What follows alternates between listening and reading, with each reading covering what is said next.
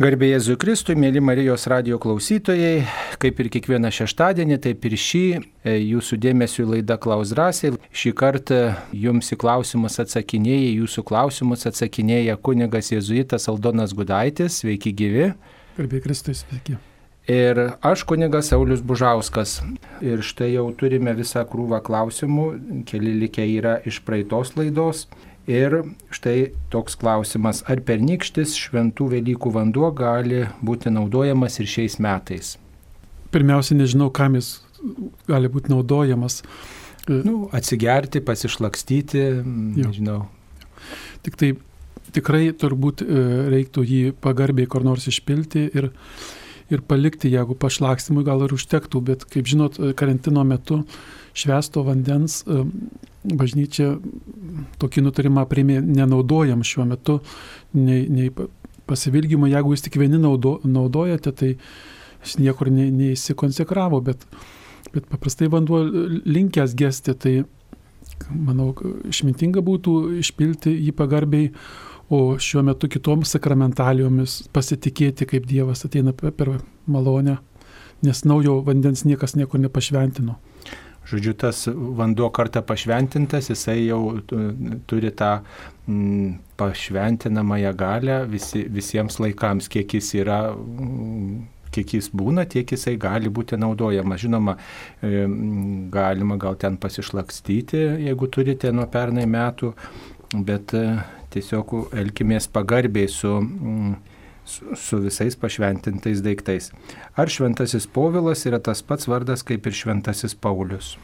Tai turbūt tas atsakymas būtų taip, nebent yra kitų šventų povilų ir Jonas Paulius II būtų Paulius Povilas ar kaip nors, bet, bet čia klausimą, jeigu apie atsivertus į Saulių Paulių, tai tas pats yra. Lietuvai mes kartais sakom Povilas toks suslavintas turbūt variantas nuo žodžio Pavel ir tada Paulius Pavel ir tada sulietuvintas tas Pavel Povilas. Taip, ar internetu žiūrėti šventasias mišę, mišių įrašą, tai ne tas pats, kaip žiūrėti tiesiogiai, kalbant apie tai, ar užsiskaito. Tikrai turbūt e, reiktų galvoti, kad tiesioginės mišios yra, e, kaip dabar dabartiniu vyskupų nutarimu tiesioginės mišios transliuojamos yra tos, kurios atliekam sekmanio pareigą ar šventos dienos. E, jeigu tai būtų įrašas, nebent jau niekur kitur tiesioginiai negalėsit pagauti ar pavėlavote, tai pamaldumo, nuo, pamaldumui tinka tas dalykas, bet tiesioginės, tik tiesioginės mišios yra ta pareiga atliekama na, šiuo turbūt sunkiu laiku, kai, kai mūsų tas dalyvavimas šventose mišiuose yra pribotas, ypač vyresniems žmonėms, tai tikrai galima stebėti šventasias mišes e, per televiziją ir per Facebooką ir aišku, kaip visada klausytis per Marijos radiją kiekvieną dieną 12 val. o mes e, šventasias mišes aukojame. Dabar Jeigu įrašą žiūrite, na tai tokia pamaldi, kaip ir pamaldi laikysena, bet nėra tas pats, kas, kas gyvas dalyvavimas, nes šventų mišių esmė turbūt yra gyvas santykis, kad čia ir dabar sudabartinama Kristaus auka. Aišku, jūs galite pasiklausyti pamokslą, jūs galite pasiklausyti skaitinius, jūs galite pasiklausyti giesmių, jeigu ten gėdama, va, jūs galite priimti palaiminimą, jeigu, pavyzdžiui, štai popiežius palaimino, mes tuo metu ne, negalėjom žiūrėti, mes atsisukom, pasižiūrėjom turėjom, tai, žinau, mokė mus kadaise, kad pirmą kartą žiūrint vat, tokį popiežiaus palaiminimo kaip ir įrašą, e, tai tikrai vat, tarsi pirmą kartą tu priimtum, o paskui jeigu žiūrėtum, na tai toks tarsi vat, informacija tik tai tokia lieka, bet vat, jeigu tu tuo metu negalėjai, bet turi tą troškimą ir tu vat, štai dar kartą pasižiūrėjai, tai yra tas pats, kas tu, reiškia, dalyvautum gyvai. Tai apie palaiminimą, o šventos mišios tai yra Tai yra, tai yra gyvas, gyvas toksai aktas, gyv, gyvas procesas, dinamiškas ir, ir sudabartinimas. Tai tas įrašo žiūrėjimas tikrai neprilyksta, neprilyksta gyvam tokiam dalyvavimui, kad aš gyv, štai kažkur švenčiamos mišios ir aš dalyvauju per Marijos radiją, ten žiūriu per e, kitas priemonės. Tai tik tai tokia kaip ir pamaldi informacija, kuri mano tikėjimą sustiprina, bet neatstoja to gyvo, gyvo dalyvavimo. Na, apie išpažinti. Na, tai kaip atlikti išpažinti šiuo metu, gal trumpai. Šiuo metu linkiu visiems naudotis tą gailėšio sužadinimo, kaip mes ir dvasiškai priimam komuniją dvasiškai, taip ir gailėšio sužadinimas, kuris, pažiūrėjau, kviečiamas pradžioj mišių, gailestingumo aktas viešpatie pasikėlėk arba prisipažįstu kalbame. O išlaukti su mintimi, kad kai ateis laikas, kai bus galimybė, aš atliksiu išpažinti. Tai šiuo metu taip pat jau yra sušvelnintos karantino sąlygos ir kunigai raginami, kviečiami ir jeigu pas, pas mus Jėzų bažnyčioje žmonės ateina iš pažinties, nu, išlaikom atstumą, bet galima atlikti, bet kaip žinot, rizikos žmonėms, kurie virš 60 ir toliau rekomenduojama nerizikuoti sveikata. Tai, tai toks atsakymas būtų, sužadėkim gailestį. Pavyzdžiui, mes kunigai, kai einam aukoti mišių ir jaučiam, kad e, būtų gerai atsilikti iš pažinti, bet neturim pas ką arba kaip nors, tai, tai, tai mes e, su, su mintimi melžiamės, kad kai bus tik galimybė atliksiu iš pažinti. Na taip, prieš Velykas, kas įdėmiai klausyties Marijos radijo, kaip tik tai šeštadienį, e, didįjį šeštadienį buvo tokios atgailos pamaldos ir buvo ir sąžinės apžvalgėlė. E, na tai buvo tikrai galima net ir prie Marijos radijo jungtuvo dvasiškai sužadinti tobulą gailestį ir taip ruoštis šiuo nelengvu metu. Tikrai nepribokim Dievo, ypač šiuo laiku kad Dievas gali mus pasiekti ir kitų laikų, ir kitų būdų, jeigu, aišku, kažkam turbūt labai neramu ir tikrai labai slegia sąžinė, na tai turbūt galima gal skambinti kunigui parapijos ir, ir, ir kalbėtis apie tai. Vis tiek dabar yra e, tie telefonai prieinami, artimiausiam kunigui paskambinkite, kunigas tikrai, na galbūt atvažiuos pas jūs į namus, ar kaip, jeigu jau ten vyresnis žmogus ir tikrai sąžinė. Ar sodė prie jūsų žydinčios vyšnios susitiks? Taip, per, galima tiesiog ir laukia per atstumą kunigas girdi ir jūs kuniga girdit ir tiesiog, kaip sakant, du metrai trumpas pokalbis, nemanau, kad ten kaip ir rekomendacijos išlaikytos, kad yra didelį grėsmė tada užsikrėsti, bet, žodžiu, yra tie kūrybingi tokie būdai, reikia truputį pagalvoti, tiesiog pasitarti su kunigu, pasiskambinti, kokios galimybės yra, išnaudokim visas priemonės. Taip, dabar e, čia klausia turbūt ir iš kitų e, laikų, ar per išpažinti nuodėmės galima nepasakyti, o paduoti kunigu jas išsamei surašytas, nes kai sakau, susipainioju ir pamirštu. Paprasta žinoma, svarbu, kad medžiaga perteikiama.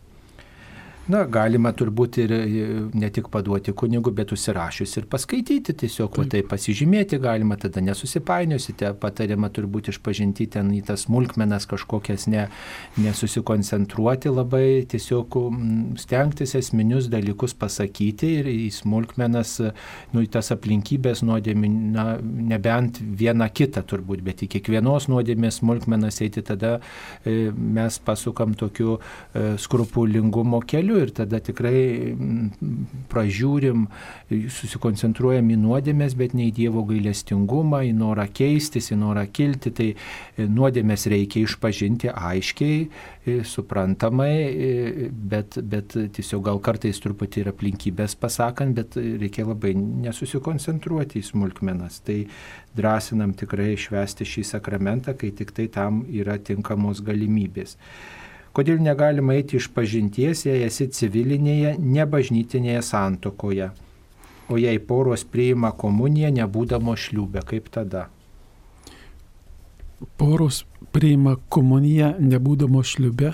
Taip, nebūdamo, tiesiog nepriėmė santokos sakramentų, turbūt taip. Jo, kiek, e, tikrai turbūt kiekvieno tokio žmogaus e, yra e, mes nežinom visų aplinkybių, kodėl žmogus priima komuniją. Ar jis nesamoningai, ar jis ar jis nežino, ar, ar būt, galbūt mes net nežinom, juk būna tokių atvejų, kai, kai poros neprieimė šliūbą, tačiau apsisprendė gyventi kaip brolius ir sesuo ir, ir, ir jos tada kartais kunigo paragintos, kad galite priimti komuniją tik ten, kur jūsų nepažįsta, kad papiktinimo nebūtų. Bet šiuo atveju tas žmogus atsakingas, kodėl jis priima komuniją. Bet šiaip bažnyčios mokymas, jeigu nėra palaimintas santokas sakramentu, žmogus e, negali eitis sakramentų. O, o dėl tos civilinės santokos taip pat vėl, jeigu tik civilinę santoką priėmė, tai ir nori sakramentų, tai tada pirmiausia sutvarkom bažnytinę santoką. Tiesiog, tiesiog labai paprasta. Tai, ką aš noriu priimti, priimu. E, priimus bažnytinę santoką ir, ir kam tada eiti komunijos tik su civilinė, bet neprimti santokos. Nu, juk, juk komunija nėra kokia tik magija, kad čia man padėtų, bet yra pilnavertis dalyvavimas bažnyčios gyvenime. Taip, o kodėl negalima eiti komunijos, jei esi civiliniai santokui, ne bažnytiniai? Tai kaip ir sakiau, kad, kad jeigu nori eiti komunijos, turi vadinamus priimti visą mokymą bažnyčios, tai yra sakramentus ir priimti santokos sakramentą. Ir jeigu dar nepriemė ar tik ruošiatės, tai taip išlaukti, kol galėsit priimti. Mhm na, civilinės įsipareigojimas yra viena, čia turbūt įsipareigojimas prieš, tai apie, reiškia, prieš valstybės įstatymus ir apibrėžiat mūsų turtą, mūsų, mūsų dar tas finansus, dar kažką tarpusavio, kaip mes kartu dalinamės, kaip mes kartu, e, žodžiu, bendraujam. Pavardės turbūt keitimo klausimus ir panašiai, o štai santokos sakramentas turbūt yra įsipareigojimas tuo žmogumi rūpintis, atsakomybės prisėmimas prieš Dievą ir Dievo kvietimas į mano gyvenimą ir ištikimybės pažadėjimas. Ir jeigu nėra tos ištikimybės pažadėta, tai aš nesu susisaistęs su tuo žmogumi, susisaiščiusi Ir, ir tada mm, išeina tokia apgaulė, kad tarsi ir, ir turiu tą šeimą, bet nėra to įsipareigojimo, nėra tos ištikimybės, nėra to prisimto um, Dievo plano, kurį jisai numatęs va, štai tokiam žmogui, kuris gyvena šeimos gyvenime. Tai e, sakram, santoko sakramento prieimimas reiškia atvirumas Dievui ir mm, įsipareigojimas e, štai tam žmogui, kuriam priesaika duodu ir kvietimas viešpati, kad jis dalyvautų mūsų, mūsų projekte. Ir, ir tai yra, jeigu mes nepriimam bažnytinės santokos, bet norim dalyvauti bažnytiniam gyvenime, mes tokį dvigubą žaidimą žaidžiam. Jo. Bet tuomet dar čia klausimas įdomu, kodėl žmogus klausia. Gali būti, kad kad e, vienas iš tuoktinių nenori e, bažnytinės santokos ir, ir o civilinė gyvena, lyg tai ištikimi vienas kitam, bet tai bažnyčiai dar yra tokia galimybė priimti santoką, vienas žmogus įsipareigoja priimti santoką, kad galėtų sakramentų. Tai šiuo atveju vėl padrasinčiau kreiptis į, į savo parapijos kleboną ir įsiaiškinti, jeigu norite sakramento eiti ir jeigu tai būtų, nes natūralu, kad jeigu jūs norite eiti sakramentų, priimkite santokos sakramentą. Taip, dabar dar vienas klausimas e, apie šventąjį pelegriną. Čia aš e, turiu tokį atsakymą šventąjį, apie šventąjį pelegriną. To jau atsakysime, kol kunigas pasiruoš vieną komentarą apie švento rašto ištraukėlę, kurią mhm. čia mums atsiuntė. Tai čia toks klausimas, gal galit pasakoti apie šventąjį pelegriną. E, šventasis pelegrinas, jisai gimė e, 13 amžiuje, kaip tik tai gegužės pirmą dieną, vakar buvo jo gimimo diena, tarp kitko jo ta pati ir mirties diena. Šventasis pelegrinas arba mm, e, pelegrinas. E, peregrinas arba pelegrinas, taip gali būti vadinamas. Jis yra Italijoje gyvenęs šventasis e, ir jo tėvai e, gyveno netoli Adrijos jūros Forly miestelėje ir ten to miestelio žmonės 13 amžiuje buvo nusiteikę prieš popiežiaus autoritetą, prieš popiežiaus veiklą Ir mm, kaip tik tai į tą kraštą buvo atsiųstas vienas e, šventasis Filipas ir jis tiesiog ten skelbė krikščionišką žinę, krikščionybės žinę ir mm, kaip tik tai susitiko su Pelegrinu, kuris mm, įžeidinėjo visai šventąjį Pilypą. Ir, žodžiu, įvyko tokios, toks susirėmimas. Pelegrinas smogė šventajam Filipui per veidą Ir vis dėlto tas nuskriaustasis popiežiaus siūstas žmogus, krikščionybės misionierius, neatsakė tuo pačiu ir tiesiog pasakė, kad melsis už e, pelegriną. Ir apsisuko ir nuėjo. Ir tas šventasis vyjosi tą nuskriaustą žmogų tam, kad atsiprašytų. Ir nuo to laiko prasidėjo krikščioniškas atsivertimo kelias, atrado Kristų šventasis pelegrinas. Na ir jisai ilgainiui mm, ne tik tai tapo krikščioniu, bet ir mm, tapo Dievo e, tarnystės žmogumi, e, įstojo į, vieno, į vienuolyje servitus, kurie buvo įkurti taip pat 13 amžiuje ir ypatingai pasišventė švenčiausios mergelės Marijos pamaldumui. Ir aišku, visą savo gyvenimą labai atgailavo dėl to, kad nuskriaudė popiežiaus siūstą žmogų ir mm, daug tos atgailos išgyveno. Ir galima sakyti, taip buvo pasiryžęs melstis stovėdamas ir ir nu, kuo mažiau sėdėti, tokia keista buvo jo pasiryžimo forma, kuo mažiau sėdėti gyvenime, bet stovėti visą laiką, e, stengti stovėti kiek tik įmanoma.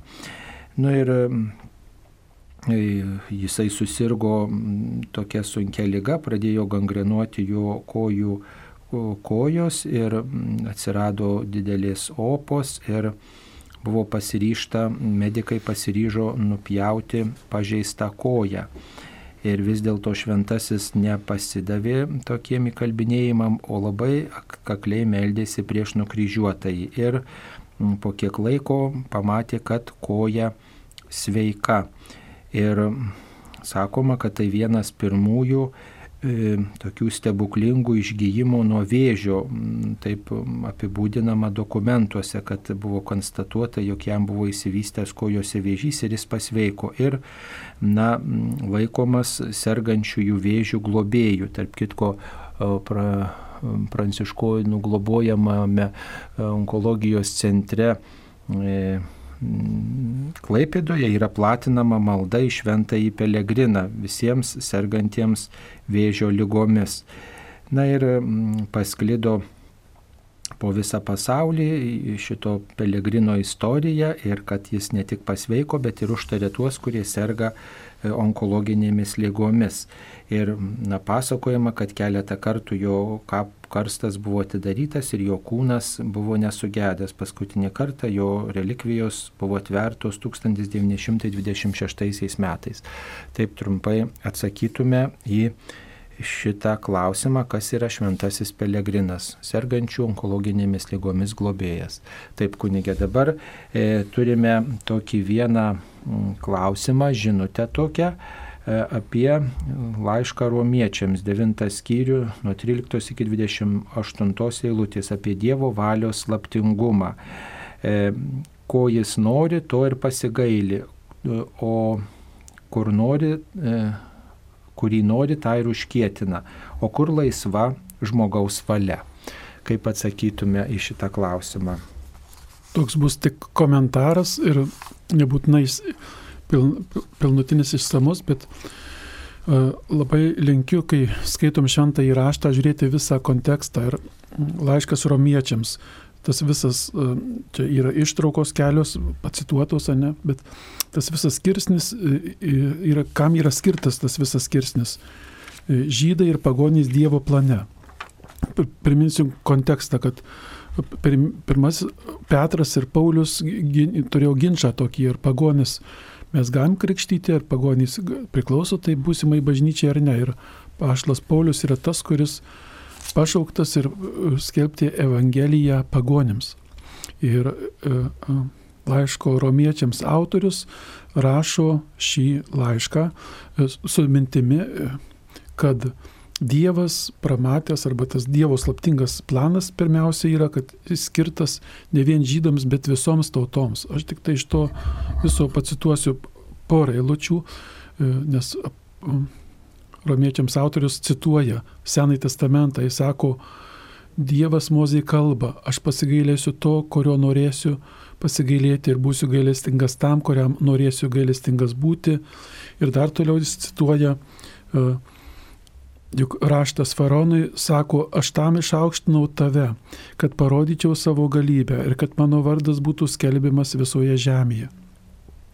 Tai kontekstas yra, kad e, apaštalas Paulius nori įrodyti, jog Dievas savo gailestingumą, meilę arba kviečia į tą būsimą bendruomenę, bažnyčią visus žmonės, kiekvienos tautos žmonės.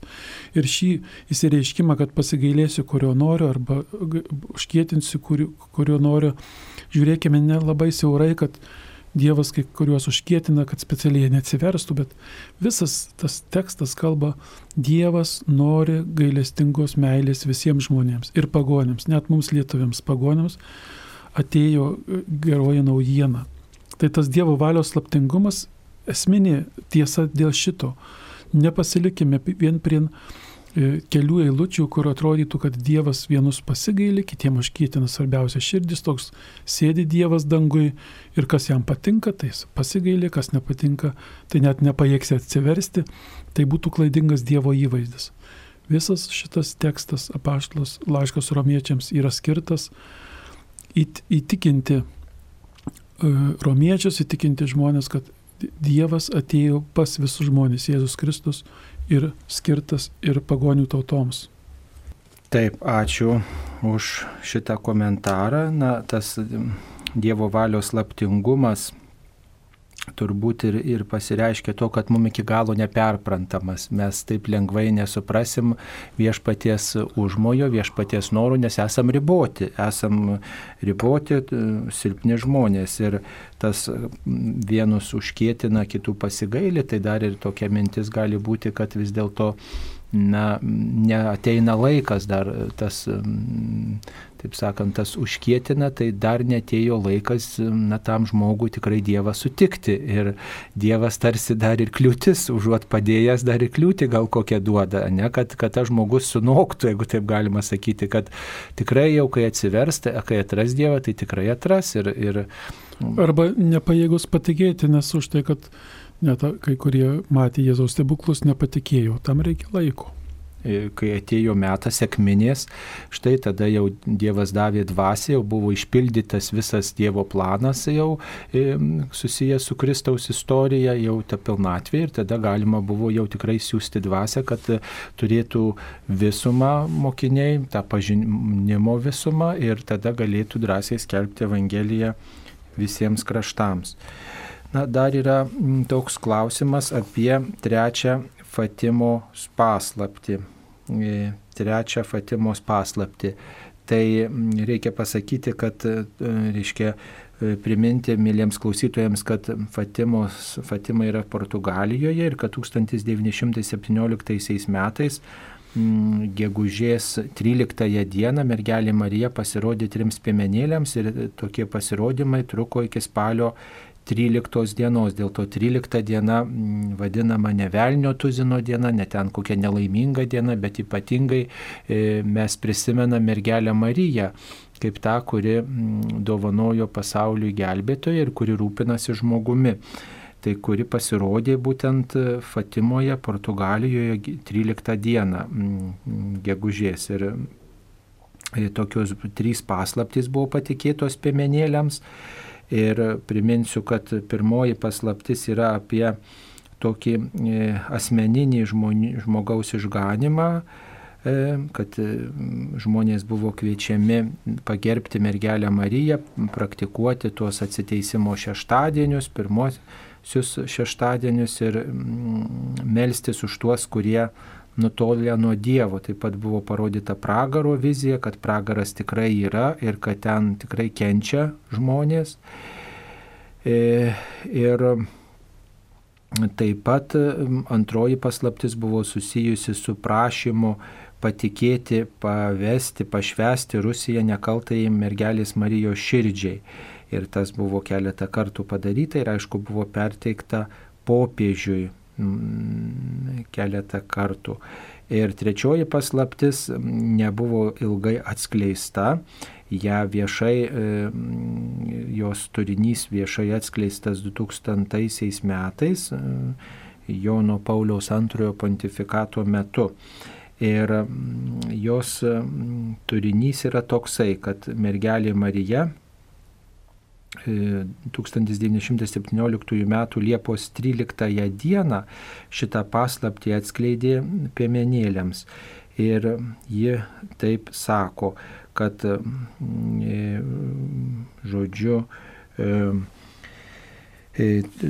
tokią, tokią žinią patikė, kad E, vaikai gali pamatyti angelą ir vaikai tikrai tą angelą pamatė, kuris laikė rankoje ugnies kalaviją ir šalia buvo mergelė Marija, kuri gynė žmonės nuo to kalavijo. Ir angelas kvietė į atgailą. Ir taip pat E, tie piemenėliai regėjime matė na, tokius e, dvasininkus, vyskupus, kunigus, taip pat vienuolius ir vienuolės, kurie lipo į statų kalną, o jo viršūnėje buvo didžiulis kryžius. Ir šventasis tėvas ėjo per didelį miestą, kuris buvo pusiau sugriautas. Ir tas e, šventasis tėvas buvo prislėgtas skausmo, rūpeščio ir meldėsi už žuvusius, kuriuos kelyje rasdavo. Jis pasiekęs kalno viršūną suklupo didžiojo kryžiaus papėdėje. Na ir taip toliau, žodžiu, buvo daug tokių žudinių tame regėjime ir daug žuvusių ne tik tai krikščionių, bet ir pasišventusių, e, pašvestųjų vienuolių, kunigų, viskupų, vyrų ir moterų.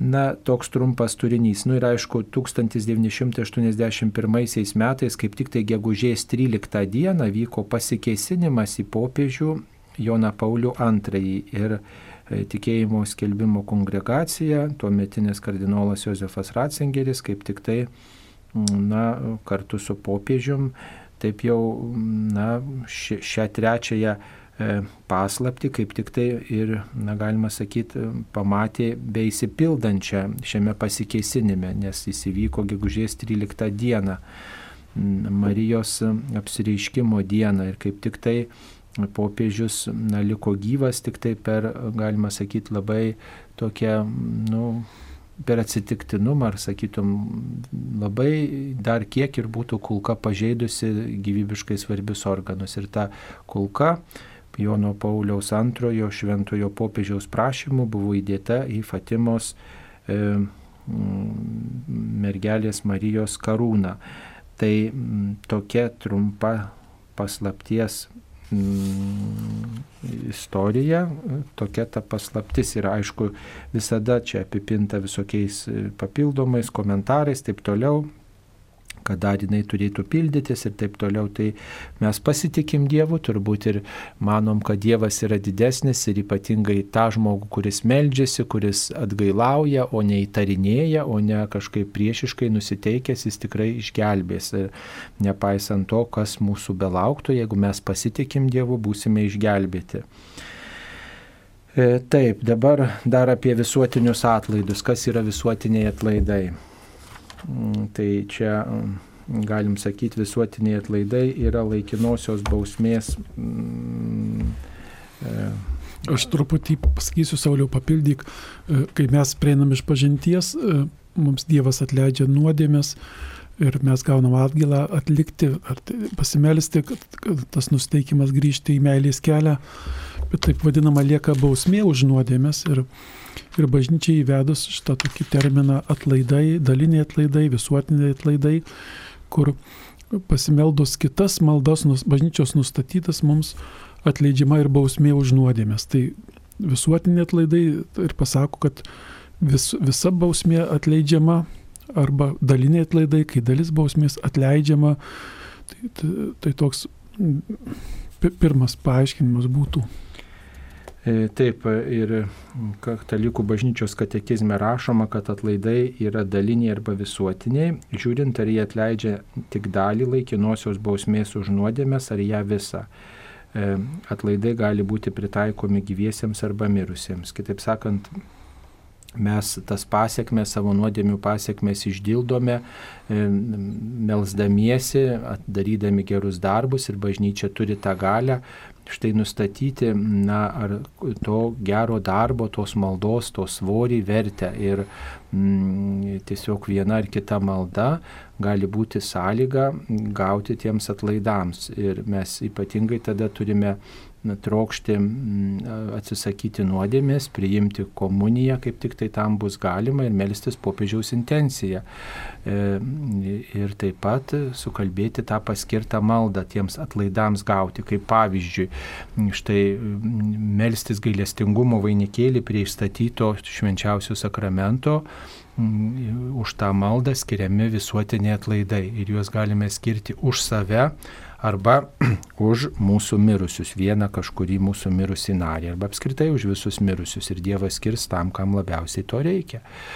Mm, tai yra proga, kitaip sakant, visuotiniai atlaidai yra proga ugdyti mūsų, mūsų tokį mūsų tokį tyrumą, mus, mus gryninti, mūsų tikėjimą stiprinti ir labiau pamaldumą skatinti, kad mes trokštume būti na, kuo labiau pasiruošę stoti Dievo akivaizdo, neturėti nuodėmės, būti maldo žmonės, daryti gerą darbą, melstis už kitus, už save ir tai skatina mus ruoštis amžinajam gyvenimui.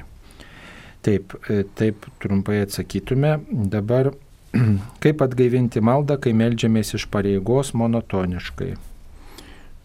Tikėjimas Dievo dovana, mylėti yra Dievo dovana ir maldoji kad jaustumės paliesti maldos yra Dievo dovana, juk tai yra dviejų asmenų pokalbis. Ir mes kūriniai su Dievo malonės negalim kontroliuoti. Tačiau jeigu galbūt kas sakytų ir būna tokių pasakymų, melžiuosi, kai man patinka, arba kai tyli bažnyčia, arba kaip nors, tas, tas viskas gražu, kad melžiuosi vienumoje. Bet e, meilė apsisprendimas yra ir, ir žodis reikia. Pavyzdžiui, Jėzus, skaidamas į, į kryžius, sako, reikia man eiti kentėti. Tai e, meilėje yra, yra ir pareiga. Labai gražiai maž, mažoji teresėlė yra pasakius, net ir tada, kai Dievo nieko nejauti, gali sakyti, kad aš tave myliu. Net ir tada, kai nieko Dievo nejaučiu. Ištikimybė ir pareiga meilėje yra ir tada, kai, kai reikia, o nieko nejauti. Bet ne, neįsigasti, kad bloga malda, nes, nes kad kad, pas, kad jaučiau tą, tą maldingumą, tai yra Dievo dovana. Taip, e, dabar dar apie maldą panašiai Jėzaus maldą. Kodėl reikėjo melstis Jėzui, kuris buvo Dievas? Bet Jėzus buvo ir žmogus. Jis, jis kaip žmogus bendravo su tėvu, su Dievu. Ir pas jį buvo ir žmogystė, ir jis, kaip ir mes, kiekvienas žmogus, jis mus tiek daug išmokė kaip žmogus. Džiaugimės tuo Dievo planu, kad jis buvo ir žmogus, ir už žmogus su Dievu bendrauja. Tai čia yra slėpinys, kur vėl visko mes iki galo, ne, tik, tik amžinybėje sužinosim, bet šventam rašte Jėzus kai kada reiškia kaip žmogus, jis kai ko jis nežino, jis augo, kaip sakoma, augo malonėmis pas Dievą. Ne? Ir buvo kaip Dievas, jau 12 metų jau kaip Dievas viską žino, tai tai tą neperprasim niekada, bet kaip žmogus bendravo.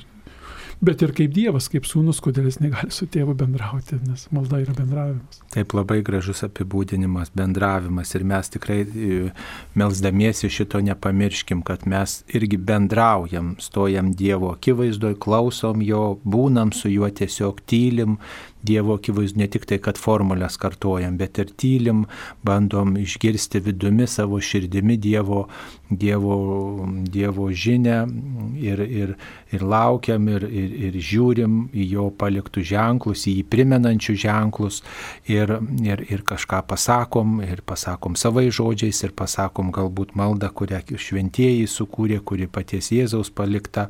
Tai yra gyvas procesas ir Jėzus į šitą procesą mus įtraukė, davė galų gale pavyzdį mums, kaip reikia bendrauti su mūsų tėvu, dangiškojų tėvu. Ar melstis paauksuotai Jėzaus skulptūrai yra prasmės? Ar nepaauksuotai, ar paauksuotai, ar paprastam atvaizdui Dievo, ar, e, manau, tik tai visą intenciją žiūrėti, kodėl skulptūra paauksuota, galbūt žmogus įdeda viskas, kas brangiausia, noriu Dievę tau skirti, bet e, grinai nuo intencijos priklauso, čia nebūtinai, kad išklausys Jėzaus skulptūrą, kuri paauksuota labiau negu, negu paprastai nupiešta, bet visada yra prasmė. Nu, mes ne tiek skulptūrai melžiamės, mes melžiamės Jėzui, o, o ta skulptūra, kryžius ar paveikslas tik tai toks blankus Dievo ženklas. Primena mums, mūsų vaizduotę skatina, mūsų pojūčius paliečia, mūsų, mūsų tikėjimą, nu, va taip pagilina, bet mes tarsi už tos skulptūros melžiamės. Tiesiog tolyn žiūrim, gilin žiūrim, mums čia tik tai toks blankus ženklas. Ir, žinot, Kalvarijų bažnyčioje, Vilniaus Kalvarijų bažnyčioje labai gražus yra sakinys prie kryžiaus užrašytas, kad ne šitą tikim, bet per šitą tikim Kristų.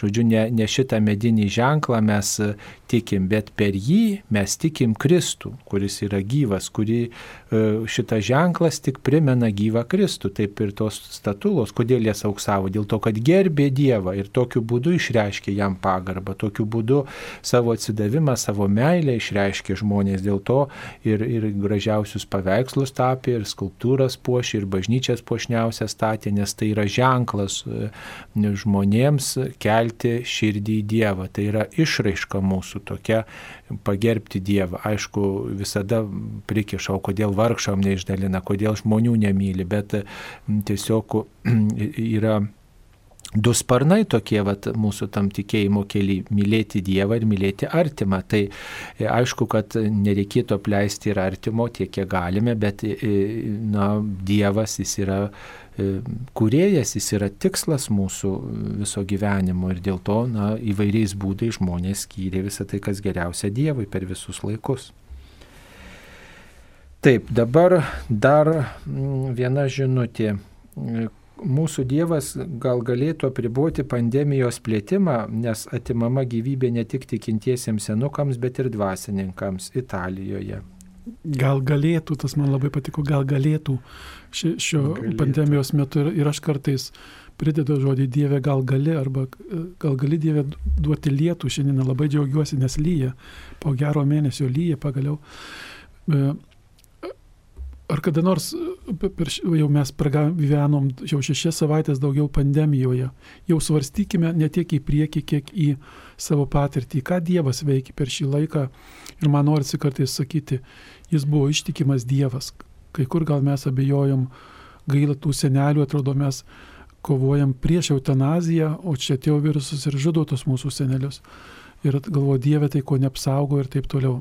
Slėpinys, kodėl Dievas tai leidžia. Bet e, pagal šventąjį raštą aš šiuo metu sakyčiau, Dievas ištikimas savo meilę. Tie, kurie miršta, Dievas ištikimas juos pasitinka į savo glėbį. Tie, kurie apsirgę sveiksta, Dievas ištikimas ir juos saugoja. Tie, kurie mes neapsikrėtę, Dievas mums ištikimas, nes mes dar neapsikrėtę ar per išmintingus vadovų sprendimus ir taip toliau. Visur įžiūrėkim Dievo ištikimybę. Ši žemė yra laikinas gyvenimas, kuriame Dievo ištikima meilė nesibaigia. Tik mes kartais jos nesuprantam, mums reikia laiko išlaukti kai kur, kai kur tik amžinybėje suprasi. Vis tiek kažkada mirti reikės. Aišku, labai skaudu, kai miršta mūsų artimieji, kai miršta jauni, kai miršta mums brangų žmonės, kai jaučiam vienatvę, kai jaučiam apleistumą, kai, kai liekam staiga ta mirtis ištinka mūsų artimųjų, bet supraskim, kad vis tiek kažkada iškeliauti reikės ir tas na, iškeliavimas jis yra natūrali mūsų gyvenimo pasiekmė. O kodėl, reiškia, tikintieji turėtų gyventi amžinai, tai ne, visi turi mirti, visi, visi paliesti nuodėmis. Tik ne, tai tiek, kad... Ir kunigas. Ir kunigas lygiai taip pat, ir, ir, ir, ir, ir tik tiek, kad mes saugomės tiek, kiek galime, kad galėtume atlikti tinkamiau savo misiją ir be to e, mes žvelgiam anapus mirties, tikinti, ko skiriasi tikinčio ir netikinčio mirtis, kad tikinti žmogus tą mirtį priima kaip po slengsti, už kurio jo laukia Dievas ir kad mes norime, reiškia, tinkamiau atlikti savo misiją šiame gyvenime, dėl to, kaip sakant, saugome save ir kitus, kad kuo geriau atliktume misiją, kad nebūtų lengvabudiškumo mūsų elgesy, kad mes tiesiog pagarbiai elgtumės ir vieni su kitais ir nebūtume tiesiog kitų žmonių galbūt tokia lengvabūdiškai elgdamiesi mirties priežastim Tai e, šito viso vengiam ir klausom tų visų nurodymų, kuriuos valstybė mums pateikia tam, kad, na, kuo geriau atliktume savo misiją šitam pasauliu. O, o, žinot, visada reikia būti pasiruošus mirčiai ir daugiau klausti, kas anapus. Mums paskambino. Bronislava paskambino. Tai Bronislava, klauskite. Klauskite jūs eteryje. Ir norim paklausti apie teiginį ieškojo žmogaus su žvake. Apie ką ta kalba? Su žvake ieško, sako, labai gražu. Taip. Čia toks labai trumpas, be, be konteksto, tik tai galim spėlioti, ne lik šventam rašte tokio nėra pasakymo, aš neatsimenu, gal čia yra iš to, kur ieškojo turguje žmogaus ir šaukė, kur yra žmogus tarp žmonių, ne. Aš tik su, jo, tai, tai, tai, tai to konteksto nelabai žinau, bet uh, tik bandyčiau komentuoti, kad uh, kad e, net ir šitas pandemijos įvykis mes taptelėjome padėjome suprasti, kad mes esame žmonės trapus, ne, kad žmo, žmogus yra, kur turi sustoti, kad pastebėtų kito vargą, žmogus turi sustoti, kad pamatytų, kad jis aklygatvyje, turim sustoti tarp tų visų paviršutiniškų jausmų ir suprasti, kas yra tas, kuris šalia.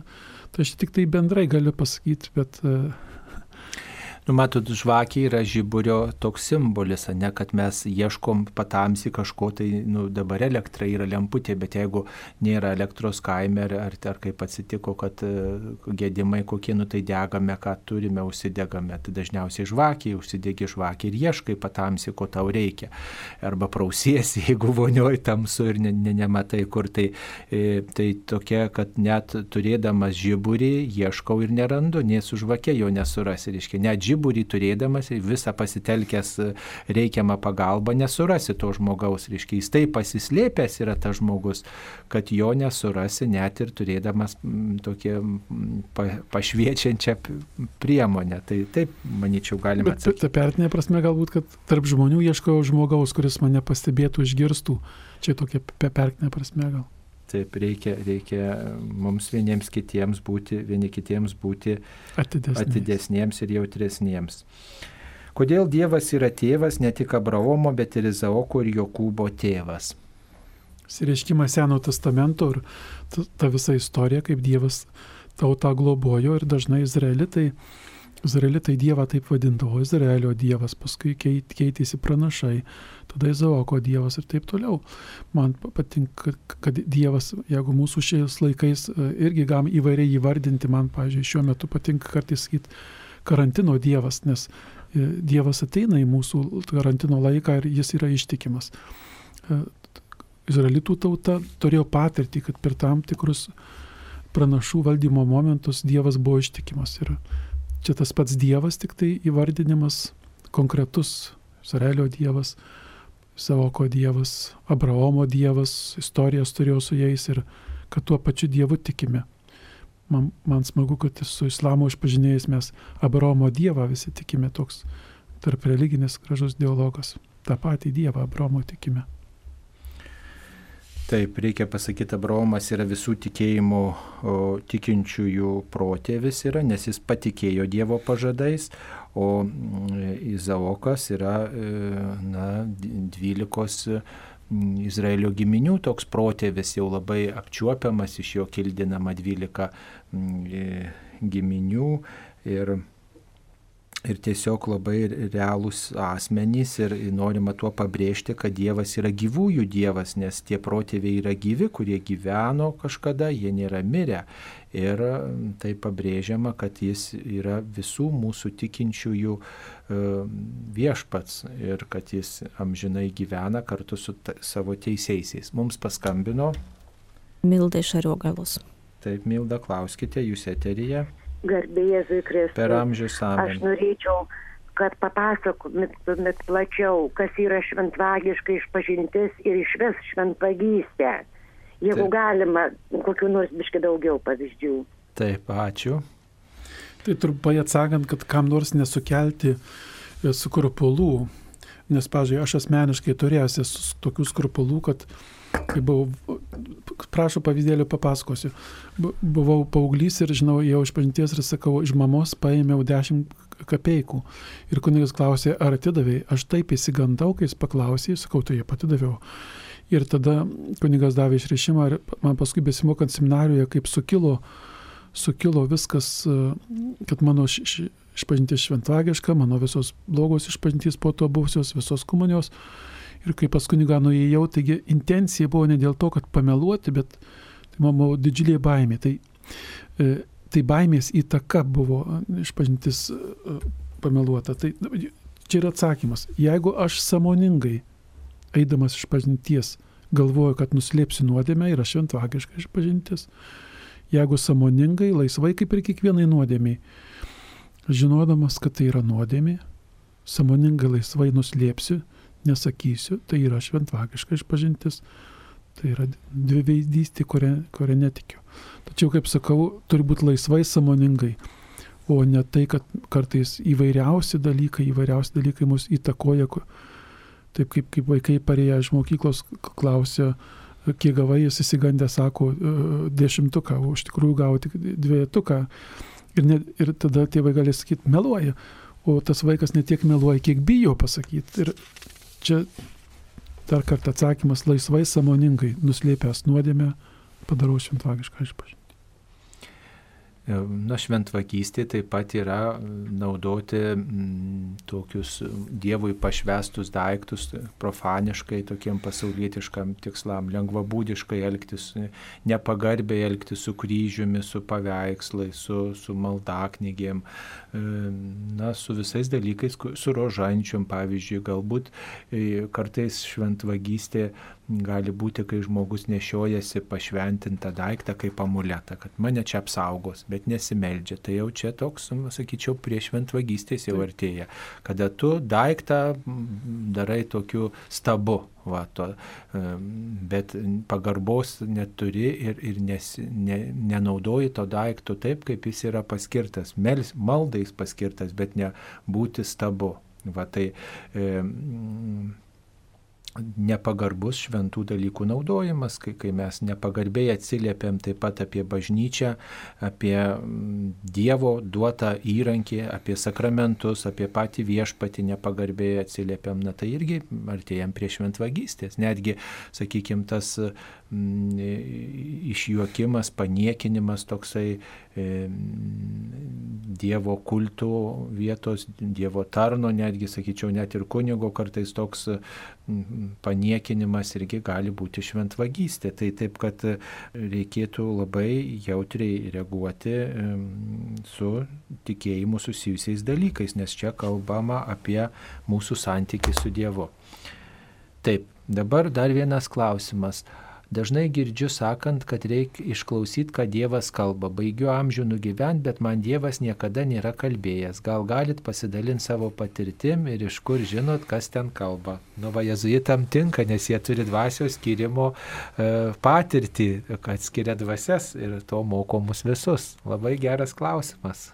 Pagal taip, kaip krikščionių Dievas šventam rašte apsireiškia arba mums kalba Jėzus apie Dievą, tai labai linkėčiau jums, žiūrėkit, taip paprasčiau, nedaryti Dievo labai sudėtingo. Paštas toks Paulius sako, savo protu mes galim prieiti, žiūrėdami į kūrybą, į kūrinius, kad yra kūrėjas. Žmogus net savo protu gali atsekti ir pradėti bendrauti su kūrėju, klausti ir taip yra. Kad mes, kai augam Dievę, iš kur tas nuostabus arba net nepažindami Dievo, iš kur tas grožis, kas gamta Dievas ar kas nors. Tai e, Dievas kalba per kūrinius ir kaip ju- jums, jeigu nuostabus yra rytas arba nuostabi gamta ar gėlės gražiai žydi, e, mes galim sakyti Dieve, kokie tavo gražus kūriniai. O tada šventas raštas tai yra, kad, kad tai, kas, ką Jėzus sakė, tai yra jo žodžiai. Ir kai mes skai, skaitom šventą įraštą, kurie žodžiai mus paliečia. Pavyzdžiui, pasakyta, kad Jėzus sako, tam daug atleista, kas daug myli. Arba kas, kam daug atleista, jis daug myli ir, ir pagalvo, Dieve, kiek man daug kartų atleista ir, gera širdyje. Taigi tai yra Dievo prakalba. Na, žiūrėkit, daug paprasčiau, ne, ne, e, tuos apsireiškimus, kad žmogus išgirdo balsą, jų yra tai, kas turi, bet supratimas, patirtis, žmogiška visa, Dievas per ją veikia. Ir toks yra pasakymas, viskas, kas žmogiška, nėra vien žmogiška, nes kai Dievas tapo žmogumi, visos mūsų patirtys gali vesti prie Dievo, prie kūrėjo. Tik tada tas, kur jau dvasių skirimas, kaip sakot, per Ignacą arba Paštas Paulius tą sako, kur yra ramybė, kur taika, kur noriu atleisti, kur noriu laiminti, jau yra tas Dievo įkvėpimas, jau yra ta Dievo kalba, jau yra tas prie žmogų prisilietimas. Kitaip sakant, jeigu žmogus yra skatinamas daryti gerą, mylėti, tarnauti, pasišvesti, tai jau tai yra iš Dievo labai rimtas ženklas. Jūs tikrai, mielas klausytojo, net ir jeigu baigėt amžių nugyventi, jums tikrai yra Dievas kalbėjęs ir tikrai jūs, jų, jūs jo esate klausęs, nes jūs taip pat turite sąžinę. Sąžinė tai yra ta erdvė, kur Dievas prabyla ir kuris skatina jūs daryti gerą, mylėti, tiesiog va taip ima žmogus žmogus ir, ir, ir džiaugiasi, kad gali nesavanaudiškai kažkam padėti. Tai yra iš Dievo šitas paskatinimas ir tikrai kažkada tą suprasite, kad tada būtent Dievas buvo arčiausiai jūsų. Ir per sąžinę Dievas kalba tikrai labai, labai jums aiškiai, ypatingai jeigu jūs melžiatės, jeigu jūs jeigu jūs prašote Dievo pagalbos, jeigu jūs galvojat apie viešpatį ir ir, ir bandot atsiliepti į jo patarimus. Vat, dievo įsakymai tai yra Dievo kalba. Ir jeigu aš pagal Dievo įsakymus gyvenu, pagal dešimt Dievo įsakymų, pagal Jėzaus palaiminimus, pagal Jėzaus patarimus iš, iš Evangelijos, tai ir, ir, ir aš atsiliepiu Dievui. Va, ir jeigu mano sąžinė primena, kad aš jau netaip darau, vadinasi, Dievas tokiu būdu mane skatina jo žodžiu atsiliepti. Ačiū už klausimą, tikrai labai vertingas ir mus ugdantis klausimas. Taip, dabar dar turim vieną tokį klausimą mm, apie, mm, apie Juozapo amžių. Vakar buvo Juozapo darbininko šventė ir e, klausė, koks Juozapo amžius. Vienur e, senas našlys su krūva vaikų, kitur jaunuolis. Kaip galėtume pasakyti? Reiktų pasitikslinti istoriją, nežinau. Na, matot, reiškia, dailiai vaizduojamas Juozapas tokio vyresnio amžiaus menininkų, čia yra išmonė tokia, bet tikriausiai nebuvo jau toksai Juozapas senukas, tik tai to norima pabrėžti tas E, Marijos ir e, Juozapo ryšys tokiu būdu, kad štai jie gyveno jau susižadėję kaip brolis ir sesuo, tiesiog taip broliškai, nebuvo tarp jų jokio tokio ryšio, kaip tarp vyro ir žmonos įprasta. E, tai tada to, tam, kad tą tiesą pabrėžtume, kad tam tą, tą tiesą pabrėžtų, dailininkai tiesiog tapė tokį Juozapą vyresnio amžiaus. Va, O šiaip tai tikriausiai e, egzegetai mano, kad e, Juozapas vis dėlto buvo na, netoks jau ir vyresnis, netoks jau ir senas. Reiškia. Ir jo amžius, aišku, nėra niekur nurodomas šventam rašte, bet žinoma, kad jis mirė dar prieš Jėzaus nukryžiavimą, prieš Jėzaus viešąją veiklą. Tai na, irgi tai leidžia daryti prielaidą, kad jis buvo vyresnis už mergelę Mariją savo amžiumi. Tai netaip svarbu gal tas amžius, svarbu gal e, ką tas asmo reiškia ir svarbu, į ką jisai mus kviečia savo buvimu ir, ir tiek, kiek mes žinom iš švento rašto. Ir šiuo metu ypatingai mums svarbus bažnyčia sako, Juozapą per pandemiją meldėmės, kad jis apsaugojo Mariją Jėzų, kad mus apsaugotų nuo to viruso. Taip, ar galima tikėjimą pamatuoti, ar galima sakyti, kad įsilavinęs dvasininkas labiau tikintis nei mažamokslis tikintysis? Ir pavyzdžių gal galite duoti? Gal aš jau linkėčiau, kad nelyginti tikėjimo, pirmi, pir, pirmutinis atsakymas - tikėjimas yra dovana. E, žmogus, kuris prie kryžiaus, kryžiaus buvo prie Jėzaus, pirmas pateko į amžinybę ir nes jis patikėjo jo gailestingumu, kad Dievas atleidžia. Tai galbūt jau jeigu taip nori matuoti, tai ar tikiu, kad Dievo gailestingumu, kad jis be galo mane myli, tai vienas stipriausių lygmenių, o visa kita mes galim e, turėti geriausias žinias. Jeigu imti apašto Pauliaus laišką apie meilę, mes galim net visą savo turtą vargšams atiduoti, tikė, vis, žinoti visas tikėjimo paslaptis. Jei neturėsim meilės, mes būsim niekas, tai papaštas Paulius sako, tai vėl gal tas pamatavimas kiek mylima. Na, tas pažinimas, įsilavinimas visuomet duoda suprasti tą tokį tikėjimo platumą ir gilį. Tai labai kviestume stengtis ir skaityti, ir lavintis tam, kad mūsų tikėjimas būtų brandesnis, kad mes, e, mūsų malda galbūt būtų turtingesnė, mūsų požiūris įvairesnis. Va. Mm, ir tiesiog e, nereikia atmesti neįsilavinusio dvasininko, jis susiduria su vienom pagundom, reiškia, galbūt e, žiniomis viską matuoti, pažinimu ir nereikia niekinti to mažamokslio tikinčiojo, kuris galbūt susiduria su kita tokia pagunda, kaip tikėjau vaikystėje, taip ir dabar tikiu, kad vis tiek e, na, tikėjimasis pasitelkia tą ir žmogišką įpažinimą, ir, ir, ir tiesiog na, mokosi iš daugelio sričių ir, ir praturtinamas yra, štai tikėjimą turbūt santyki su Dievu praturtina ir psichologija, ir antropologija, ir daugybė mokslų, kurie pa, padeda suprasti mūsų su Dievu santykio tokį įvairumą, įvairiapusiškumą, kaip Dievas prie žmogaus prisitaiko, kaip, kaip panaudoja Dievas mūsų galimybės ir kaip mes galim tikrai visą savo esybę viešpati išlovinti. Tai taip atsakytume. Dabar dar vienas klausimas yra e, prašymas pakomentuoti Vokietijos viskupų atsiprašymą dėl tylėjimo vykstant masinėms žudinėms antrojo pasaulinio karo metu.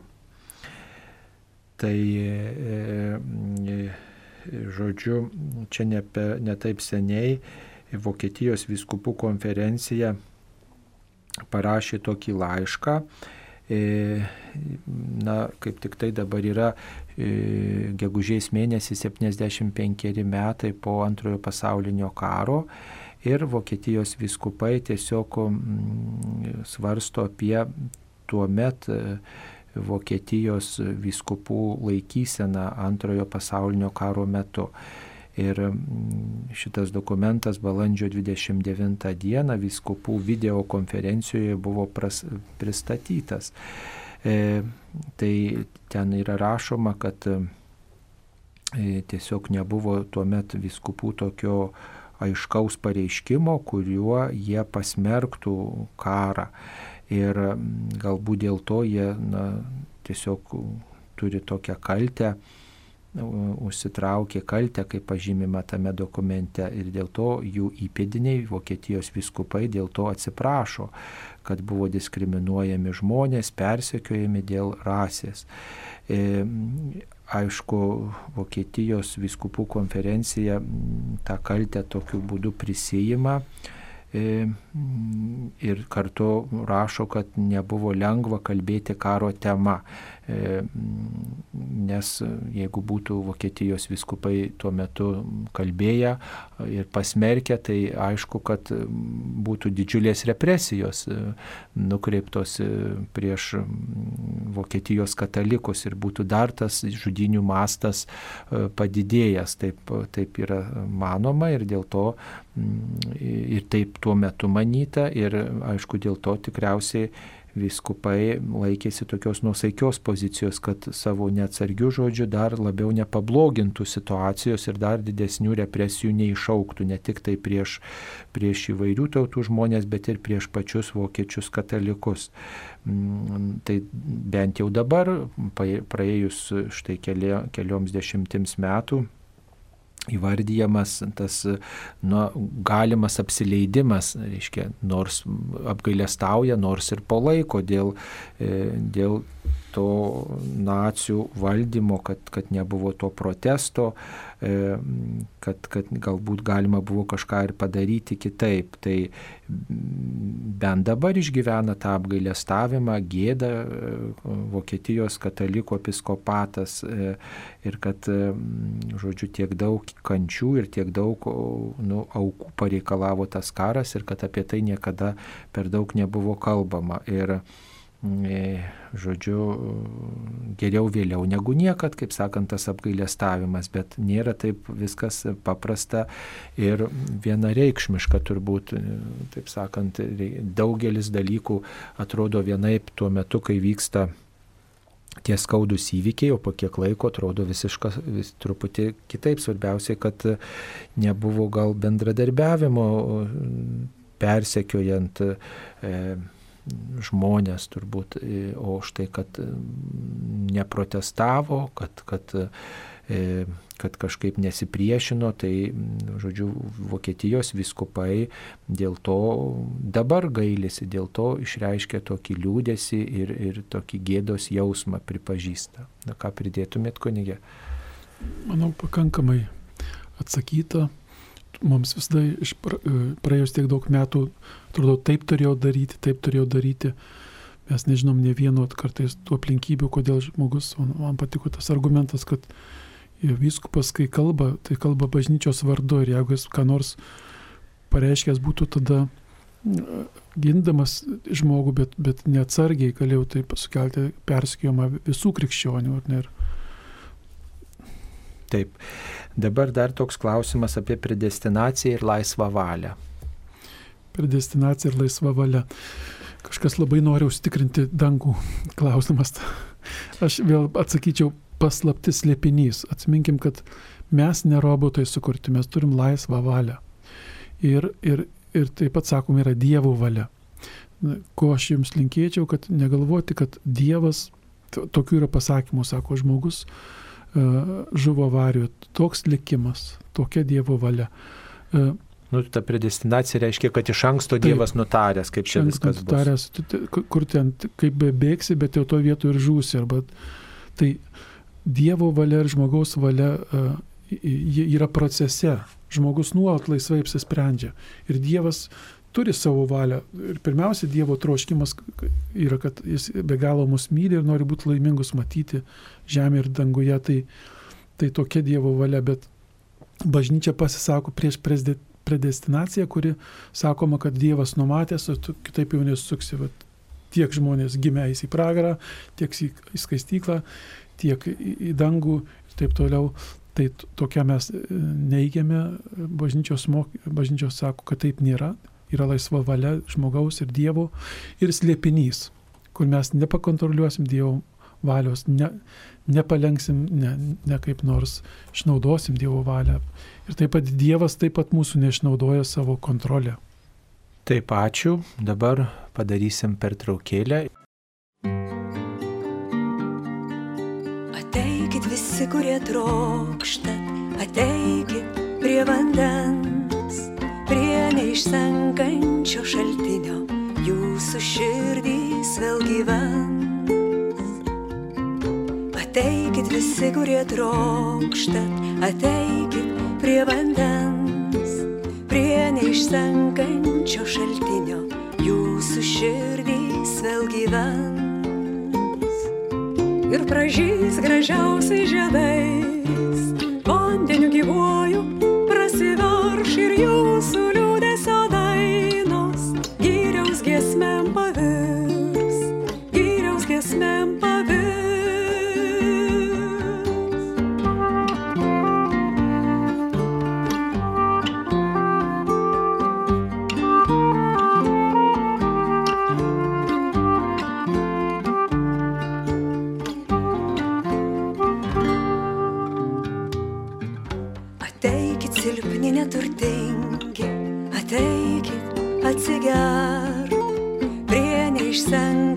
šio šaltinio rasit gyvojo vandens. Ateikit silpni neturtingi, samkit dovanai, pirkit be aukso, be sidabro tai, kas išlieka amžinai. Išdžiūvų žemė sužaliuos.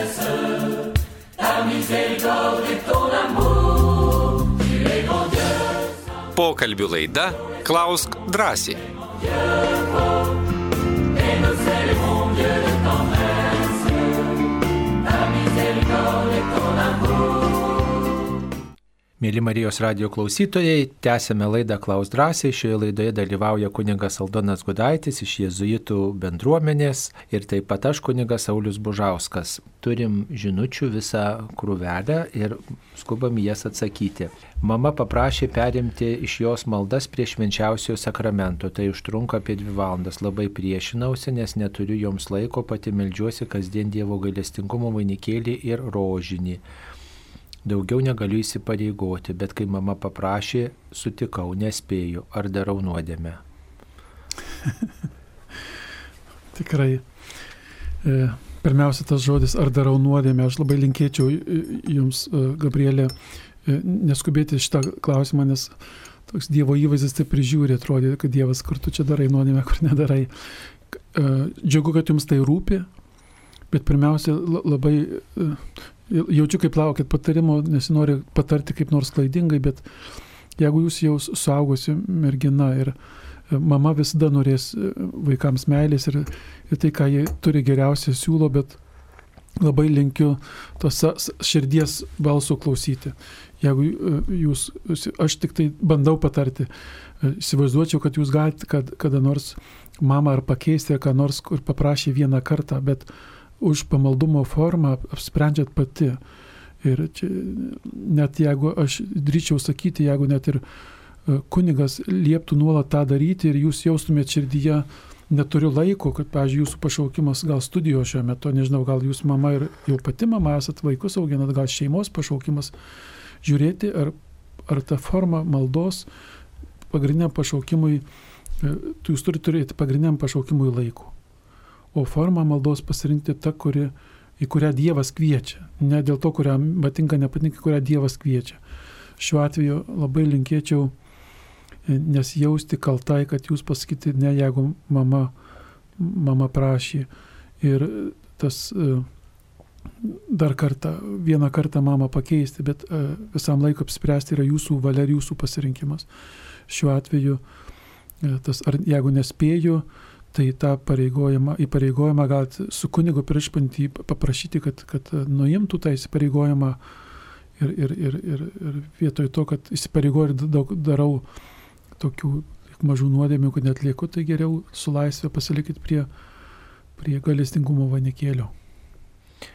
Taip, dabar kvietimas papasakoti e, apie šventą Ignotą. Tai šventas Ignacas, kaip mes įprastai vadiname, dvasingumo metodiką ir kuriame amžiuje gyveno. Pirmiausia, atsiminkim, kad visi šventieji ar šventas Ignacas, simtum ar kitur, jie visą, tą turtai ateina iš šventojo rašto. Ir, pažiūrėjau, paš, e, šventas Ignacas, ta metodika, kurią jis moko melstis, arba toks šūkis Dievas visuose dalykuose. Labai labai daug e, šventas Ignacas remiasi Paštlo Pauliumi. Jam Paštlo Pauliaus laiškai, Paštlo Pauliaus dvasingumas, apie dvasių skirimą yra viskas, yra e, ateina iš apaštalo Pauliaus patirties. Tik tam tikros taisyklės Dievas davė dovaną. Ir tos pratybos tik tai labai taip trumpai. E, Jas, kurie atlieka ir e, teoriškai čia sunkiai išaiškinsiu, nes pats Ignacas sakė, pratybos dvasinės ne, teoriškai nepaaiškinsi, tik atlikęs jas suprasi. Bet ta, ta dinamika tokia, kad pirmoji tokia savaitė pratybų yra, kad, kad Dievas tave myli ir patirk, patirk jo meilę. Kai patiri, kad Dievas kai tik ne tik žinai, bet patiri, kad Dievas tave myli, tai ateina apmąstymą apie nuodėmę, kad, kad žmogus ne visada jo meilė atsiliepia ir Dievo meilės akivaizdoje apmastai nuodėmės blogį. Tada ateina Jėzaus asmuo Die- Dievo pratybose, Ignaco pratybose, Jėzus kaip žmogus ir Dievas, kaip jis auga, kaip jis gimsta ateina į žemę, kaip jis kaip žmogus veikia, kaip jis miršta ir prisikelia. Tai ta dinamika Ignačko dvasingumo yra krikščioniška dinamika. Ji tik tam tikra, tikra pritaikyta kaip charizma, kaip dovana bažnyčiai, kur, kur Jėzų pažinti kaip Dievą ir žmogų ir jam, jam atsiliepti tiek trumpai būtų. Bet geriausia atlikit pratybą, tada bus mažiau klausimų, nes be patirties teoriškai sunku pe perduoti. Taip, šventasis Ignacas gyveno 16 amžiuje ir jis Ispanijoje gyveno, jo dvasingumas e, susijęs taip pat ir su Dievo atradimu visame kame. Va, e, toks jezuitų būtų gal, e, taip sakant, charakteristika atrasti Dievą visose dalykuose, reiškia Dievo ženklus, Dievo planą, Dievo, dievo veikimą. Va, ir Ir, taip. ir kad žmogus pajėgus, svarstydamas ta, jo, jome, jome, jo, jame esančius paguodas, nepaguodas, gali atrasti, kaip Dievas veikia. Gali atrasti Dievo veikimą. Na taip pat mūsų klausytojai prašo pakomentuoti, mm, pakomentuoti Krišnaitą ir Krišnaitų ir budistų tikėjimą, aiškiai, jų čia pažįstami pasirinko. Nesu žinovas šitome, tik tai galiu pasakyti, kad gerbkime kito tikėjimo žmonės. Ir tai, kas gera, juose palaikykime. Tai tik tie galėčiau pasakyti, o reiktų daugiau pasigilinti. E, žinau, kad tai, tai nėra e, ta krikščioniška religija, bet visi, kas juose gera ir, e, ir kas mumise gera, visi viens kitą palaikykime. Na, budizmas, aišku, yra nuo krikščionybės gana tolimas, siejamas su Buda ir tai yra iš Azijos atėjęs tikėjimas, daugiau tai tokia filosofija ir aišku moko, kad e, moko, kad žmogus yra pats savo likimo kalvis ir nepripažįsta vienos mens garbinimu. Va toks esminis dalykas būtų. Budizmas daugiau tokia filosofija yra, pavyzdžiui, mes krikščionys, mes garbinam Dievą, kuris yra asmuo, kuris, kur, į kurį gali kreiptis tu, kuris tapo mūsų broliu Jėzus Kristus. E, ir budizmo esmė yra tas e, toks tikėjimas, kad gali nušvisti, atbusti, e, patirti kažkokį atgimimą, būdos pavyzdžių kiekvienas žmogus ir e, remdamasi savo asmeninėmis pastangomis. Tai krikščionybė pripažįsta, kad taip asmeninės pastangos yra svarbios, bet jos daugiau yra atliepas į Dievo malonę, į Dievo pagalbą, kad mes vien savo asmeninėmis pastangomis mes negalime, negalime taip sakant, pasiekti to nušvitimo šviesos, kad tai yra tik tai viso labo mūsų, mūsų kukli laikysena. Jis labai svarbi, jinai labai reikalinga, bet yra Dievo malonė, kuri padeda, kuri mums yra pagalba. Ir aišku, dar vienas toks skirtumas yra turbūt, e, kad e, budizmo tikslas yra pasiekti nirvaną, taip sakant, tą tokį išnykimą, nušvitimą, tą tokią šviesą, kai, nu, to, kas mums būt, gal primintų iš dalies tą amžiną gyvenimą, tik tiek, kad krikščionybė sako, jog mes amžinajame gyvenime išsaugosime savo asmenį, mes neišnyksim, mes kaip asmuo būsim. E, būsim veido į veidą. Taip, susitikime santykėje su Dievu, nebūsim to šviesoj pra, pra, prašapę, pranykę, prapuolę kažkaip, bet, bet mūsų santykis su Dievu ir santykis su kitais žmonėmis išliks meilės santykis, bendrystės santykis, o budizmas sako, kad tas toks atbudimas, nušvitimas, išnykimas na, įmanomas. Tai taip sakytume, nu tai jeigu jūsų draugai ten renkasi tas, tos kitus tikėjimus, tai belieka už juos melstis ir rodyti tokį gražų artimo meilės pavyzdį, tarnystės pavyzdį. Va, e, na, aišku, krišnaitai, e, jie su Indija susiję e, ir yra čia ir Lietuvo, ir budizmo, ir krišnaitų. Ir na tai dar tolimesnis dalykas yra krišnai, tai daugiau propaguoja tą tokį vegetarišką gyvenimo būdą ir na, taip sakant, visiškai e, nuo krikščionybės tolima, tolima religija, kuri e, daugiau primena pagonybę, sakytų, siūčiau, pagoniškas toks e, kelias. Ir, ir, ir nėra to, ką, ką mes krikščionybėje pripažįstame. Dabar dar viena tokia žinutė apie masonus. Gal teko skaityti, kad masonai namuose turi paslėpę ostiją. Kaip taip gali būti? Gal tai tik intriga? E, tikrai e, nesu girdėjęs tokių dalykų. Tik tik e, norėčiau pasakyti, toks mokymas būtų bažnyčios, kad jau jeigu tai būtų, kad tikrai tie masonai norėtų paimti tą ostiją ir laikėtų slaptai, tai atsiminkim, kad, kad ta ostija išsikonsekruoja Jie, jie, nėra taip, kad, kad, kad jie ten, jau jeigu tai būtų, bet man tai čia yra toks, pirmą kartą girdžiu tokį pasakymą. Ir, ir...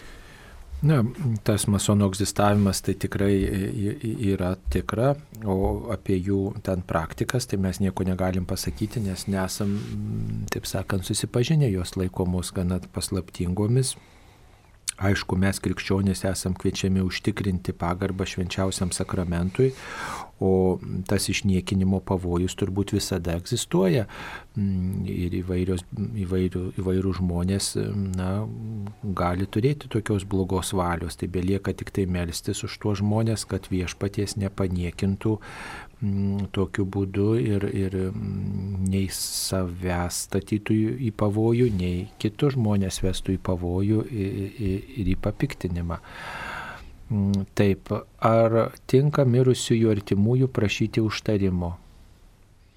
Mes, kai meldžiamės tokią maldą, e, tikėjimo išpažinimą, tenai sakome, tikiu šventųjų bendravimą Tai ta tiesa nusako, mes galime melstis už mirusiuosius amžinybėje, mes galime ir jie už mus meldžiasi. E, taip čia vaizdingai sak, sak, sakant, tik jie nepavarksta, jie irgi ten dirba, bet, bet e, taip, e, šventųjų bendravimas yra tai, kad mes už juos meldžiamės, jie už mus. Tai čia toks atsakymas būtų. Tai yra malda būdas turbūt pagerbti mirusius ir pačių mūsų tikėjimą stiprinti. Aišku, kad mes melzdamiesi mišiuose ne tik tai juos užtariam, bet ir tokiu būdu prašom, kad ir jie štai mus lydėtų. Tokiu būdu tas santykis meilės tęstusi.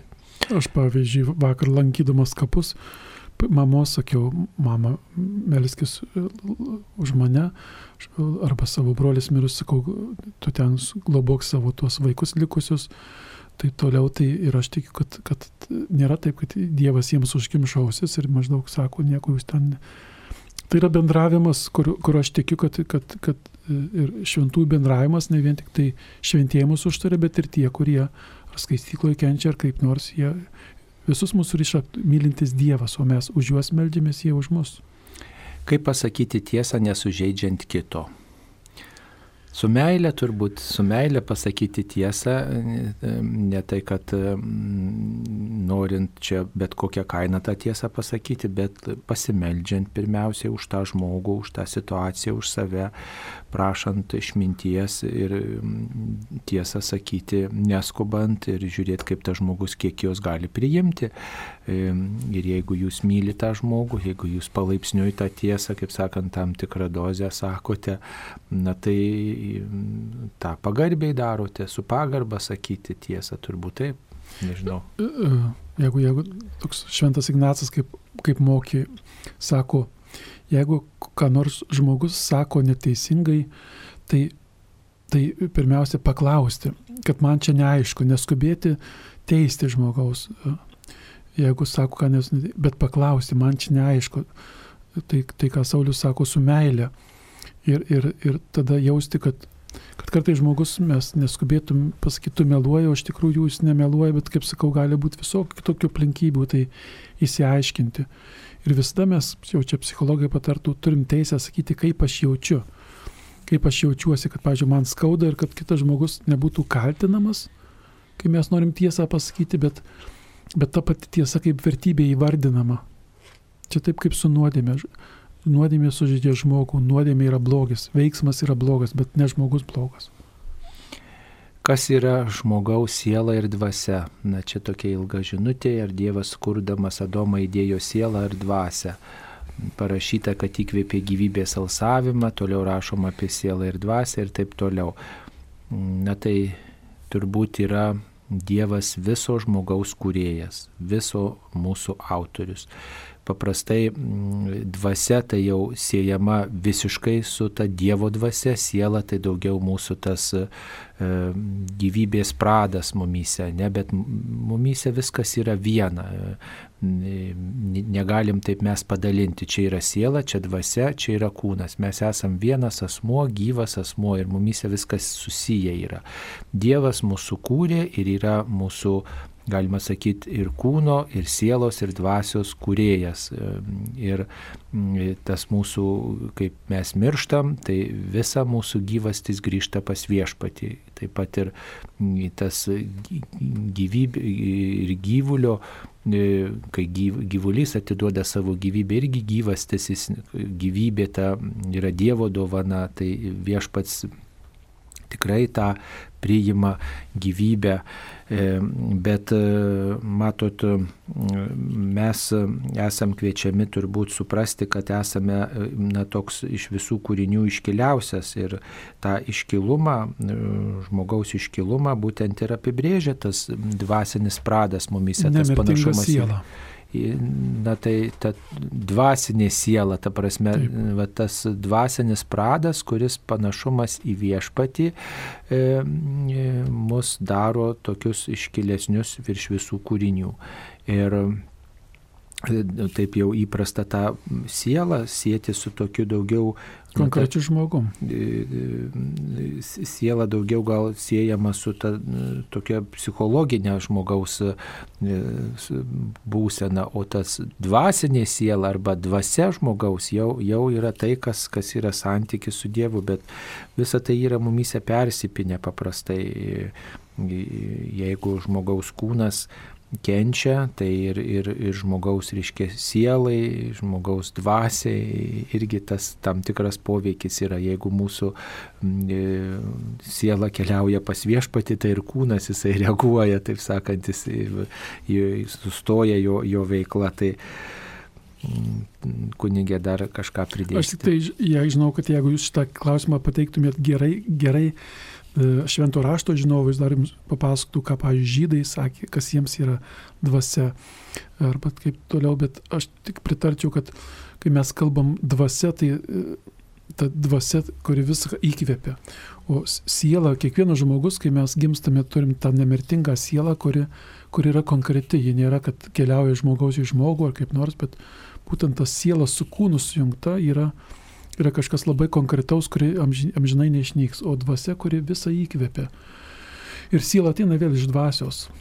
Tai, tai vėl mes prieinam slėpinį, kurį bandom suprasti, bet daugiau būtų, mano požiūrį, tai yra dvasia, kuri visą įkvėpia ir sielas, kuri, kuri kiekviena konkrečiam žmogui do, dovana yra ir kuri neišnyksta. Taip mums paskambino. Genė iš trakų. Taip klauskite. Garbė Jėzui Kristui. Per amžius. Aš norėčiau, nu, kaip čia, nežinau, kaip čia ir klausti.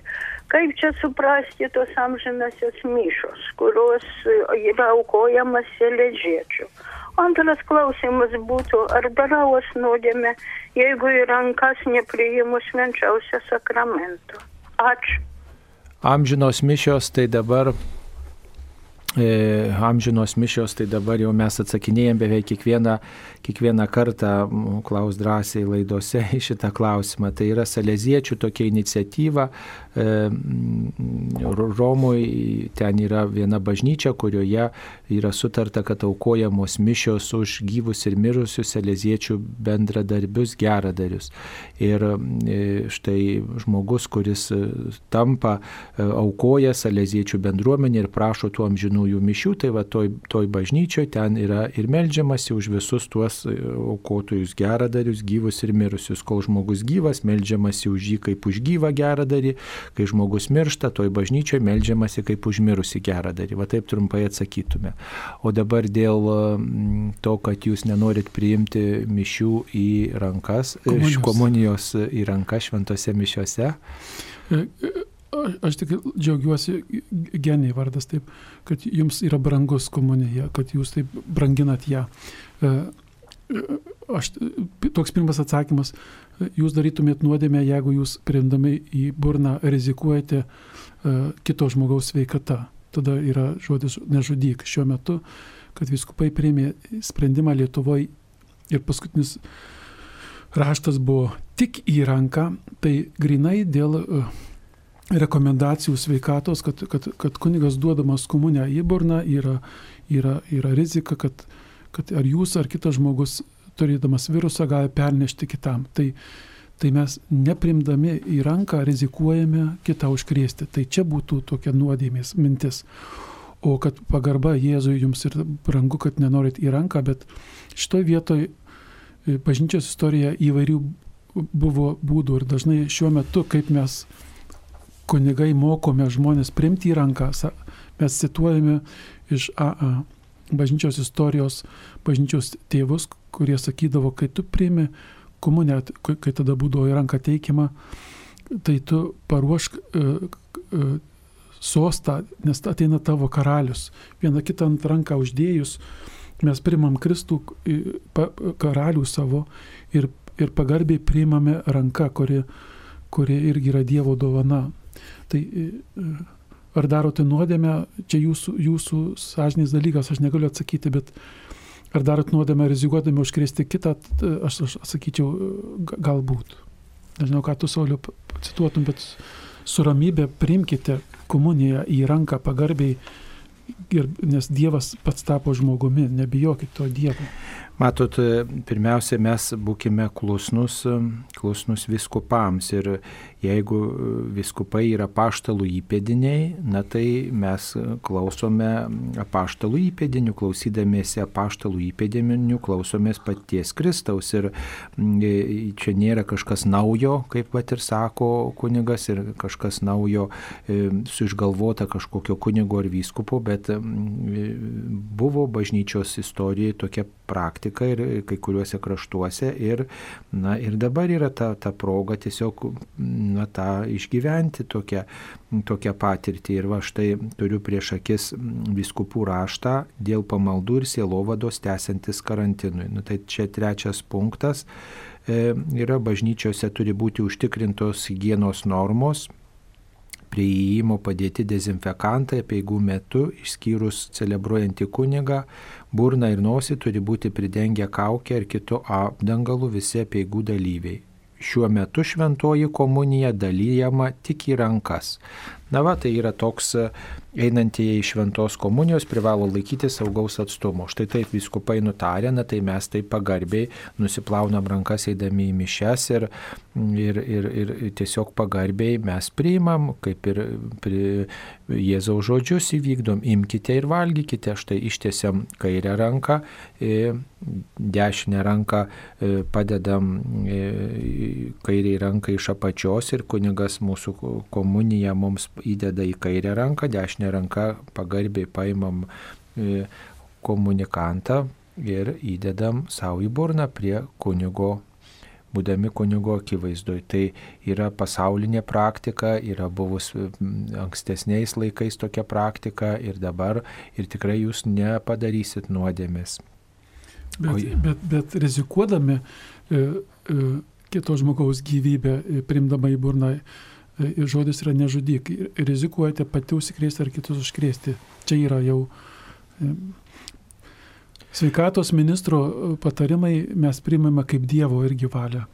Ir be to tai yra klusnumas. Matot, klusnumas yra didi dorybė, didi dorybė. Tai tiesiog jūs vardant klusnumo tą padarykite šiuo laikotarpiu ir tikriausiai tai nesitęsam žinai, galima bus grįžti prie ankstesnių praktikų ir tiesiog vardant klusnumo, žinot, ir tikrai mm, tame klusnume bus ir nuolankumo, ir pagarbos, ir kuklumo, ir įsiklausimo, ir tokio noro e, vis dėlto atsiliepti bendruomeniškai ir, ir ne, ne tik savo patirtį kažkaip teikti, bet ir nu, priimti taip, kaip bažnyčioje šiuo metu yra.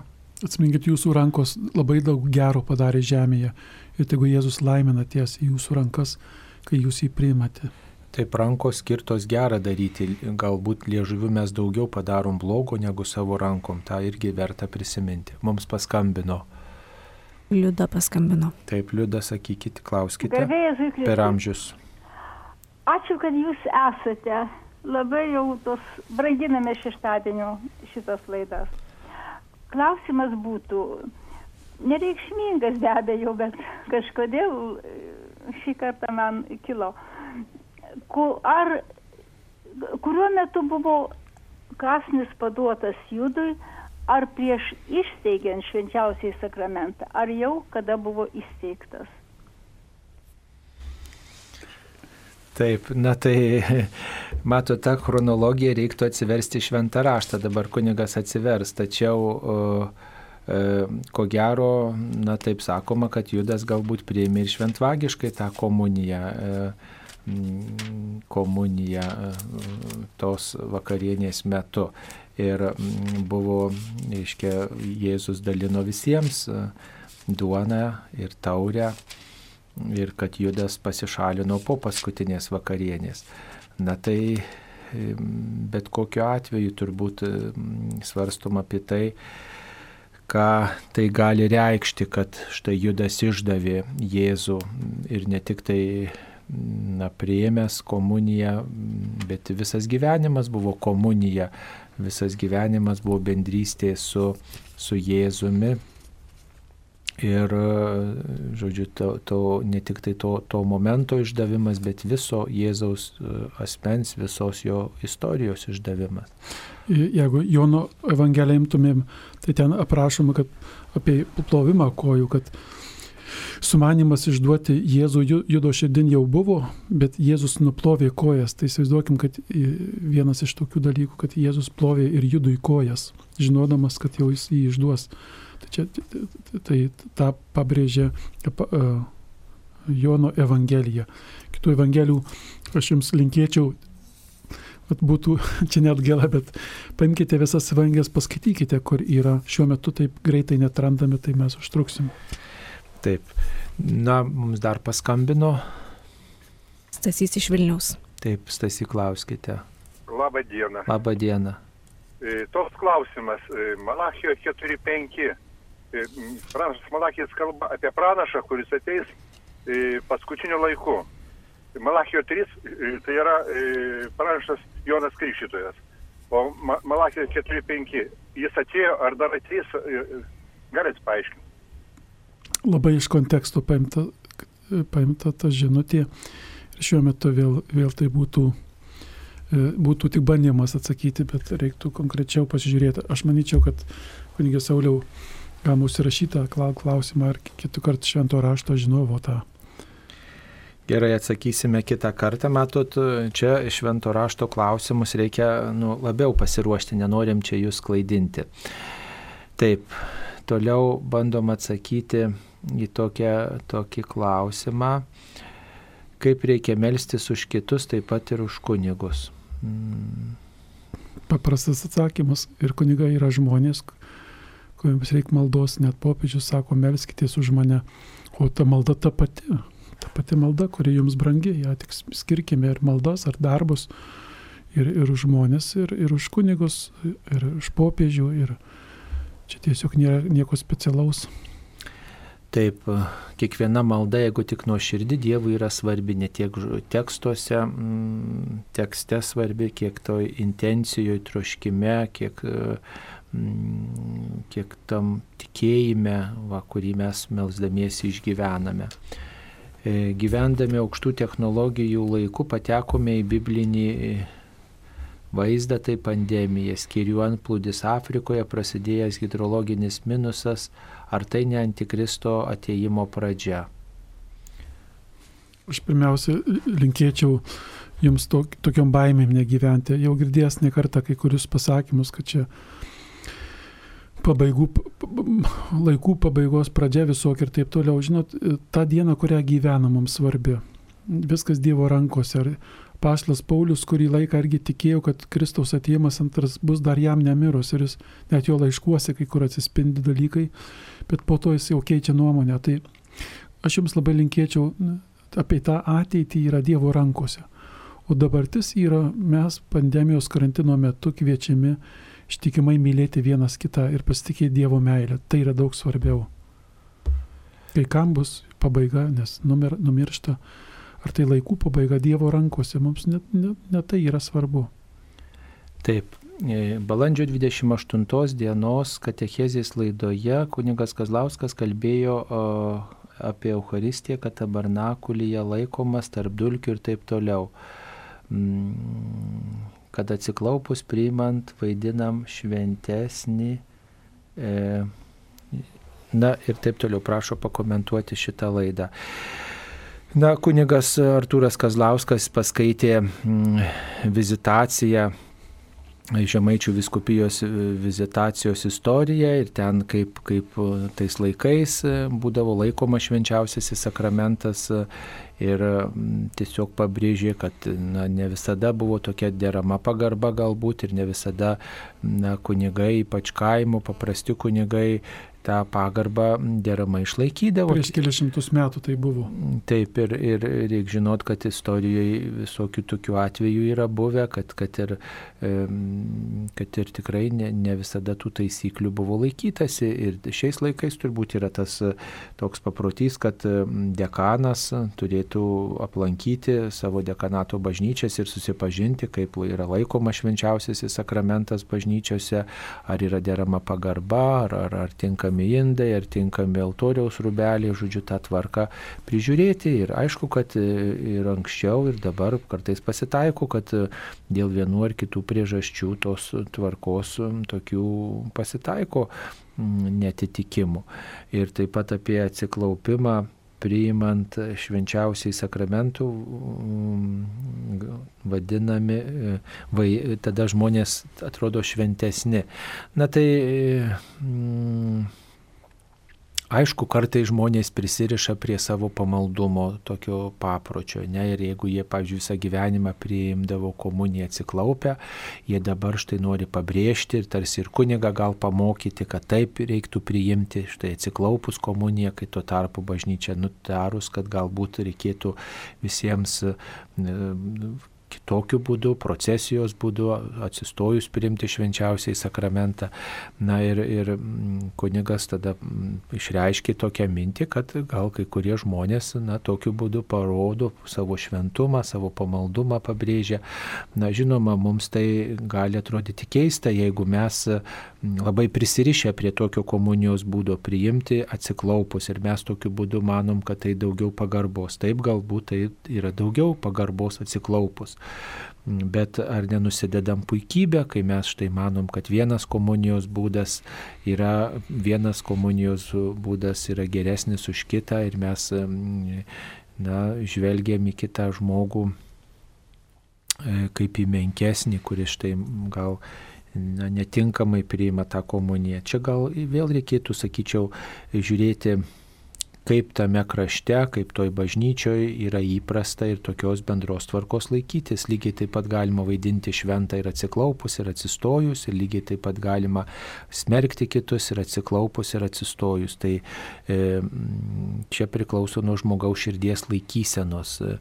Tikrai galit nepritarti toms mintims, kurios čia buvo įsakytos, bet na, kunigas ne tik tai turbūt kalbėjo iš savo patirties, tas, kas jam, kaip sakant, atrodo, bet apibendrina visos bažnyčios mm, praktikas, kad kaip visoji bažnyčioje, visuotiniai bažnyčioje įprasta ne tik tai kažkokioj vienoj bažnytėlė ir vienų kelių žmonių, bet apibendrina įvairias patirtis ir, ir, ir tiesiog pasidalijo tokiomis vat, įžvalgomis ir na, tiesiog praplečia mūsų akiratį, o Jeigu jums patogu priimti komuniją atsiklaupus, nu, mm, galbūt galite tą daryti, bet kartais mes padarom nepatogumą kitiems, reikia ir apie kitus pagalvoti, einant komunijos, ar ne, nes tai yra bendrystės duona, Dievo artumo duona, bendrystė ne tik tai su Dievu mano, bet ir bendrystė su kitais žmonėmis. Ir jeigu aš čia atsiklaupiau ir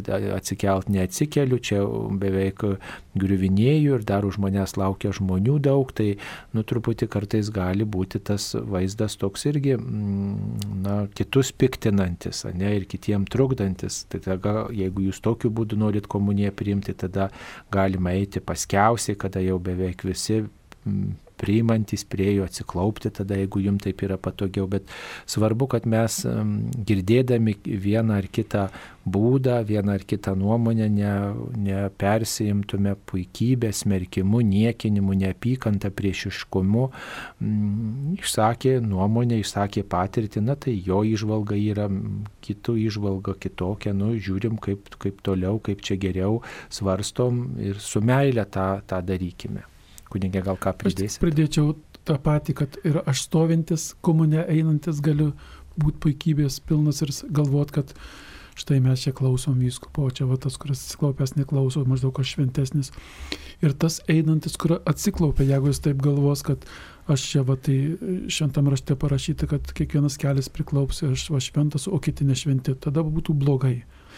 Bet geriausiai toliau tikėti, kad Dievas veikia bažnyčioje. Šiuo metu, pandemijos metu, vieni patvarkymai, e, ne pandemijos metu buvo kunigų rekomendacija, vyskupų rekomendacija buvo, kad komunijos einame procesijos būdu, atsistoję, nulenkiame galvą ir primam komuniją. E, klausydami vyskupų paraginimų viešoj vietoj mes geriausiai, mažiausiai suteiksime visokių tų interpretacijų šventesnis ar nešventesnis. Privačioj maldoje mes galime kryžim gulėti, mes, galim, mes galime atsiklaupę būti, mes galime atsisėdę ramiai melstis, bet kur bendrai susirinkam yra bažnyčios nuorodos. Ir viskupai Lietuvoje nustatę šiuo metu Lietuvoje priimame eidami komunijos procesijos būdu. Paprastas paklusnumas, daugiau nieko. Ir, ir, ir daug didesnį Jėzui pagarba, jeigu mes tą paklusnumą priimame o ne, ne, neįnešama, neįnešam į tampų. Taip, e, noriu paklausti, kokia simbolika turi uždegama žvakelė prie kryžiaus. Dar kartą. Kokią simboliką turi uždegama žvakelė prie kryžiaus? Nuo intencijos priklauso visada intencija. Kokia intencija žmonės bažnyčioje ar prie kryžiaus, ar prie paveikslo, ar prie Marijos paveikslo uždėka žvakelę. Kokia intencija. E, pati žvakelė yra e, e, amžinybės simbolis arba labiausiai tai yra gyvasis Kristus simbolis. Tai yra viena iš pamaldumo formų. Kokia intencija? Žmonės vieni ateina užtarimų, prašydami kiti, kiti dėkodami. Tai yra pamaldumo forma ir, ir nuo intencijos priklauso. E, tai yra maldos turbūt forma, taip, ta uždegta žvakelė, prisiminimas, kad... E, Viena iš, o, o kad kadangi dar žvakelė tai yra amžinybė šviesa, toks santykis su Dievu vėl simboliškai labai išreiškiamas, prakalba mums. E, taip, dabar toliau atsakinėjame į jūsų klausimus, ar žmogus kada nors išsilaisvina iš pragaro kalbama apie pragarą, kad jis bus amžinas. Šventoje tokia tiesa yra skelbiama šventam rašte, kad pragaras yra amžinas. Taip moko ir bažnyčia, mes taip tikim, kad Jėzus taip moko. Kaip ten toliau bus, mes gal dar palikim ir Dievo, dievo paslapčiai, mes nežinom, bet taip kaip jis moko per Jėzų šventam rašte, kad pragaras yra amžinas. Ko labai linkėčiau vėl ne tiek galvoti apie žinot, tas pragaras po mirties gal daugiau tegul būna kaip atgrasimas daryti nuodėmę, bet daug svarbiau žiūrėti, nekurkim pragaro žemėje. Tai daug svarbiau. Jei mes nekursim pragaro žemėje, tai tikrai dievulis tenai mus nenuneš. Tai yra daug baisiau, kai, kai žmogus pragarą žemėje kuria. Kurkime dangų, kasdien bandydami mylėti. Tai, tai svarbiau, kas po mirties Dievo valioje viskas.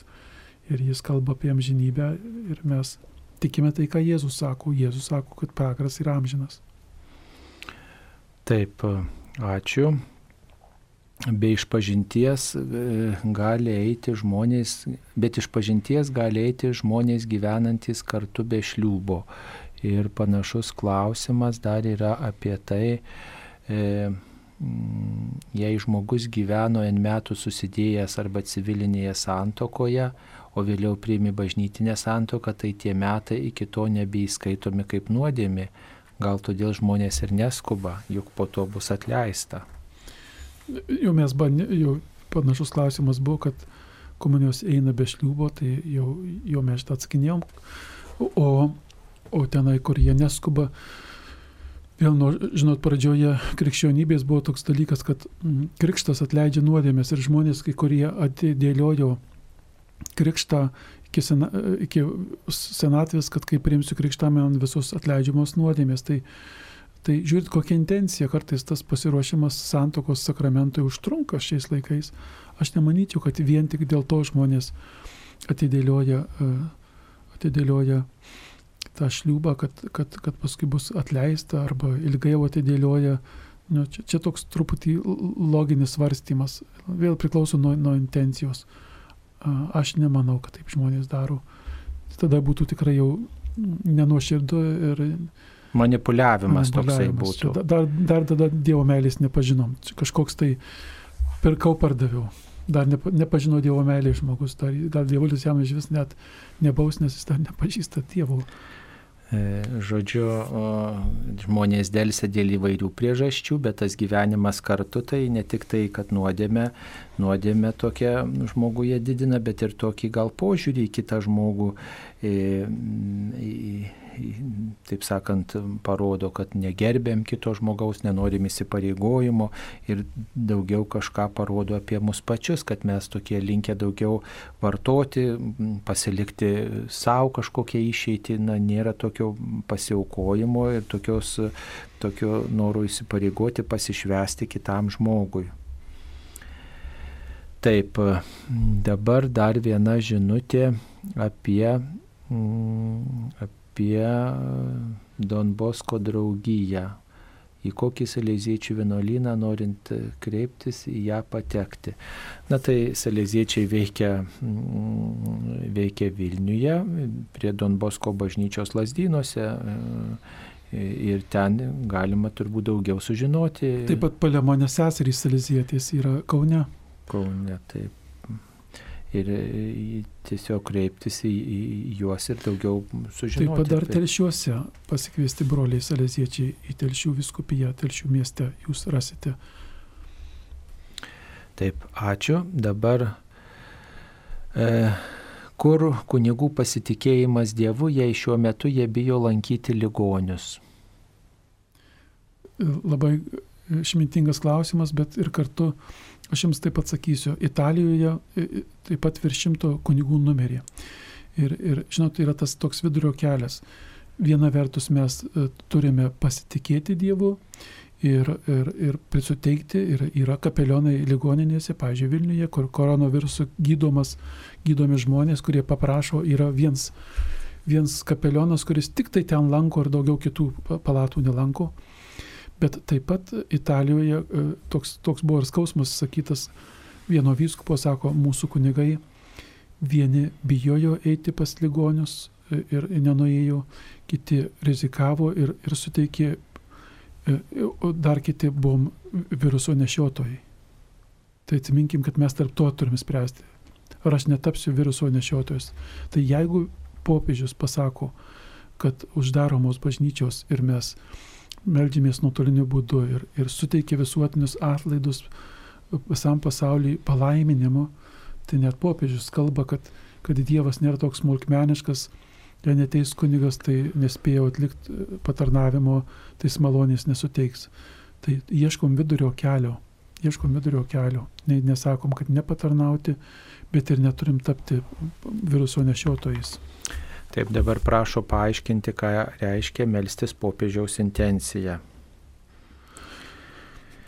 Kai... Jo, nu, popiežiaus intencija, Sauliau, gal papildysi, bet čia vėl prie tų visuotinių ir dalinių atlaidų, kai, kai mes sakom, kad gauti reikia pasipo, pasimelsti popiežiaus intenciją. Tai paprastai nurodomos, kokias maldas pasimelsti. O popiežiaus intencija, jis kiekvieną mėnesį popiežius turi tokias dvi e, intencijas paskelbę, kurios jiems atrodo pasaulyje bažnyčioje svarbu.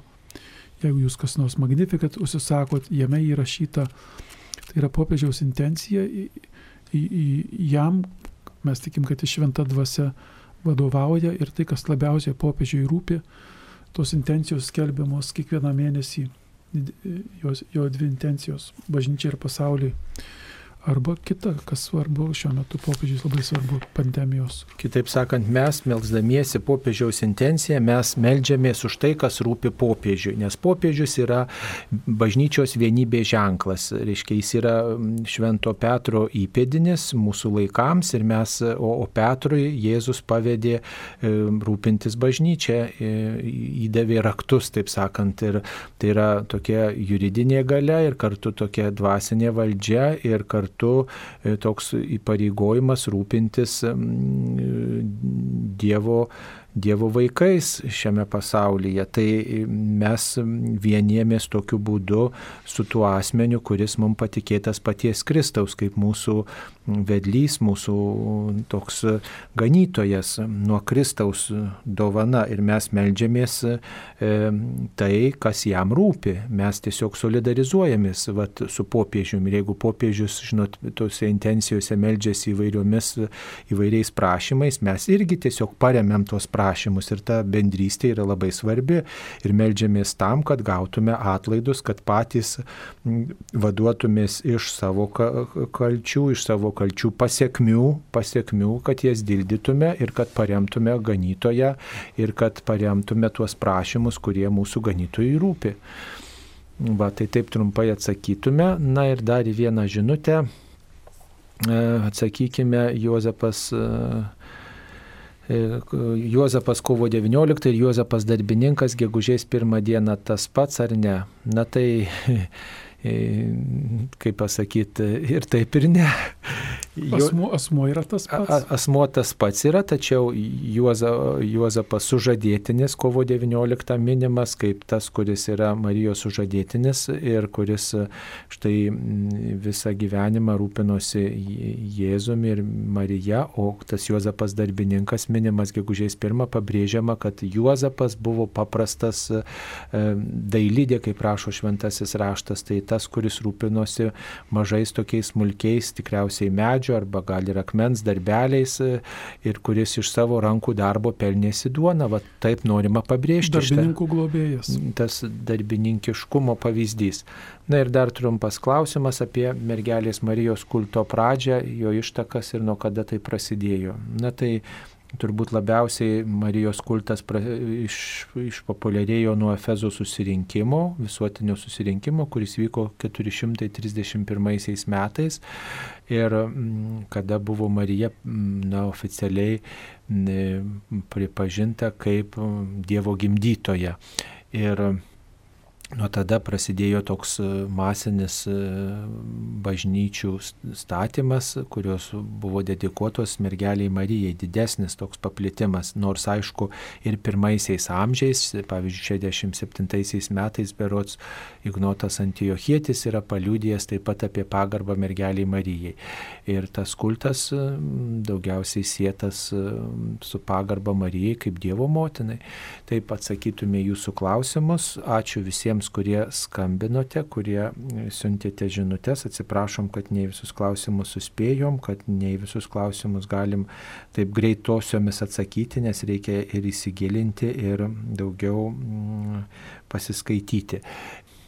Šioje laidoje dalyvavo kunigas Aldonas Gudaitis ir aš kunigas Saulis Bužauskas. Ačiū, sudėjau. Su Dievu.